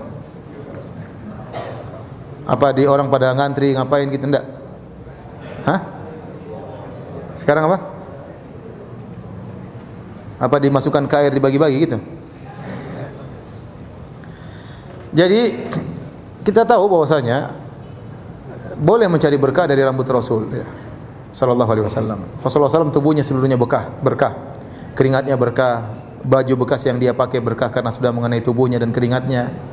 Ludahnya berkah. Kalau Nabi buang ludah, para sahabat berlomba-lomba me mengambil ludahnya ya. Sebagian tatkala perjanjian Hudaybiyah ya. Kemudian Nabi SAW waktu haji Rasulullah SAW cukur rambut Rasulullah bagi-bagi ya.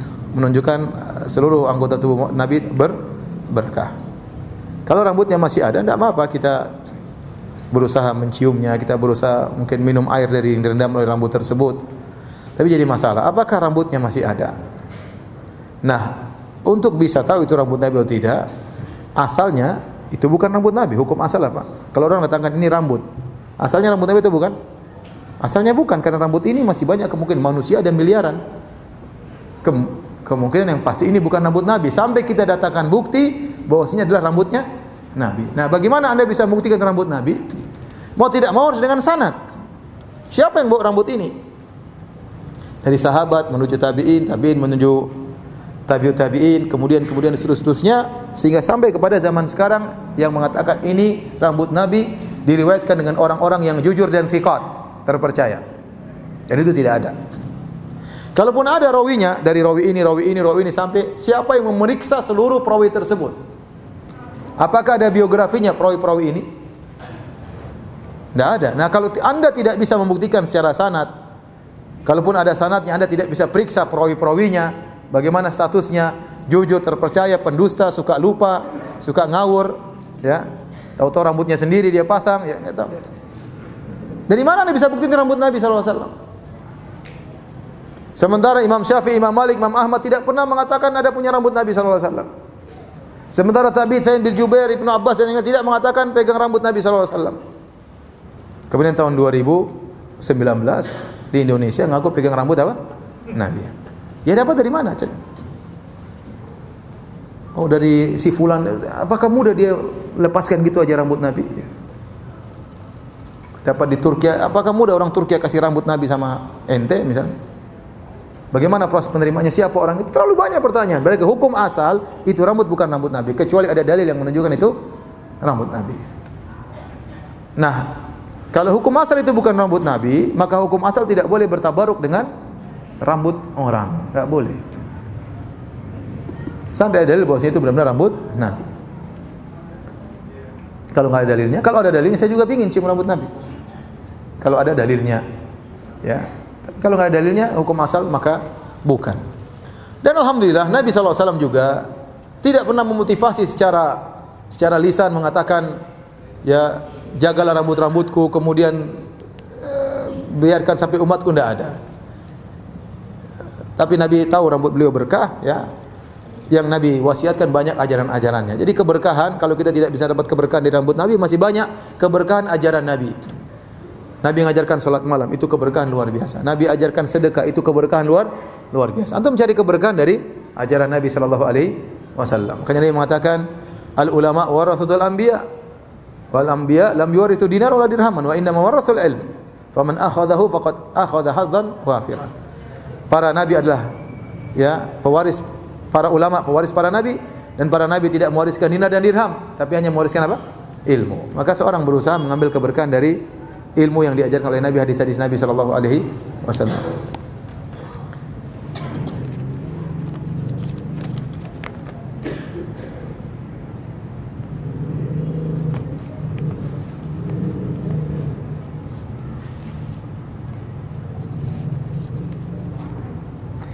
Ustaz, apakah seorang boleh menanyakan suatu perkara kepada seorang dai atau ustaz padahal dia telah mengetahui jawaban masalah tersebut dari seorang syekh melalui internet?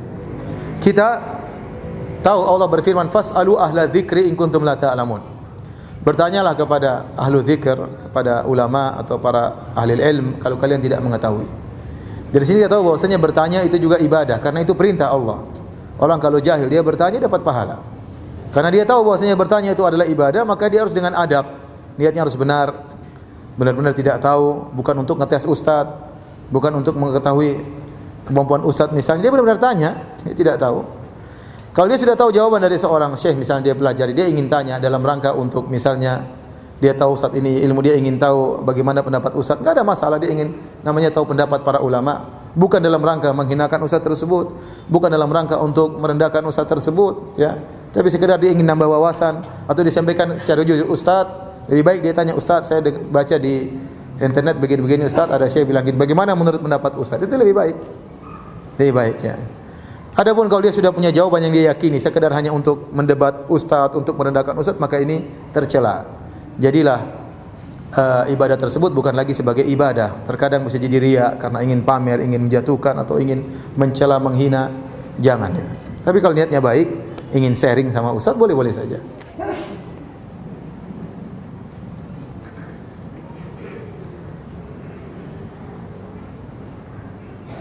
Mohon nasihatnya mengenai merapatkan saf solat berjamaah. Apakah memang kaki harus benar-benar rapat? Karena pada prakteknya jadi mencari kaki, menekan, mengunci, mengunci kaki orang. Bukankah berdosa? Ya, antum sunnahnya kita menempelkan kaki, sunnahnya, zahir hadis. Tetapi saya ingin bawakan itu sunnah di awal. Di awal yang penting tujuan dari saf adalah rata. Biar saf itu apa? Rata. Kalau sudah rata, sudah rapat, tidak harus nempel terus. Tidak harus nempel terus ya. Kalau kerapian kelulusan tersebut sudah tercapai, tidak perlu nempel, nempel terus. Tapi awal kita perlu nempel ya. Terus nempel jangan paksa jangan injak orang ya. Saya sering kaki saya diinjak, sering ya. Saya tahan aja tapi uh.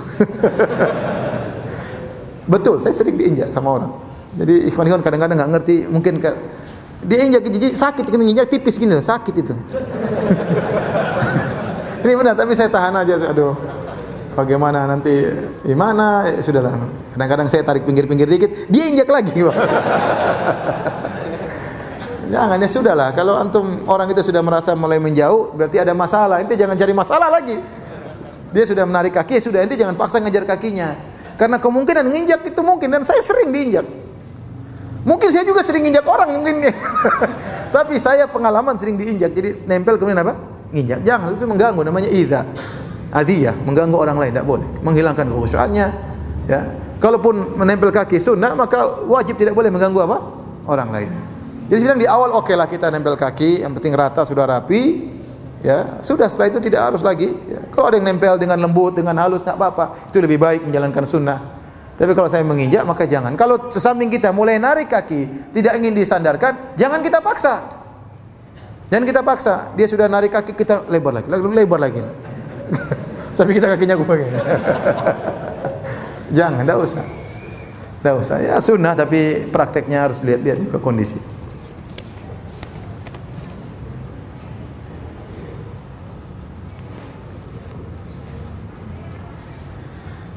Saya ingin tahu bagaimana dengan ibrah Nabi mengamalkan baca surat Al-Mulk sebelum tidur. Hadisnya dhaif, hadisnya dhaif Nabi baca setiap sebelum apa? Tidur.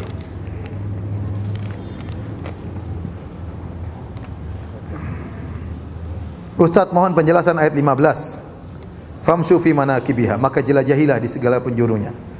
Apakah yang diperintahkan untuk menjelajahi bumi? Bagaimana traveling ke penjuru dunia? Enggak lah. Kurang kerjaan ya. Maksudnya, lanjutkan, lanjutkan ayatnya famshu fi manakibiha wa kulu mir. Berjalan di atas muka bumi cari rizki. Bukan ini dalil boleh traveling ke mana-mana ya. Ke Eropa, Allah suruh ke mana-mana, ke Amerika, ke Las Vegas, ke mana ngapain ya. Dia buang-buang duit jalan-jalan sana sini. Apa faedah jalan sana sini? Habisin duit. Memang biaya ke Amerika murah? Mahal. Ke Eropa murah? Mahal. Setengah mati lagi naik pesawat 15 jam, 17 jam, kadang 20 jam. Kalau nggak ada tujuan yang pasti ngapain? Ya.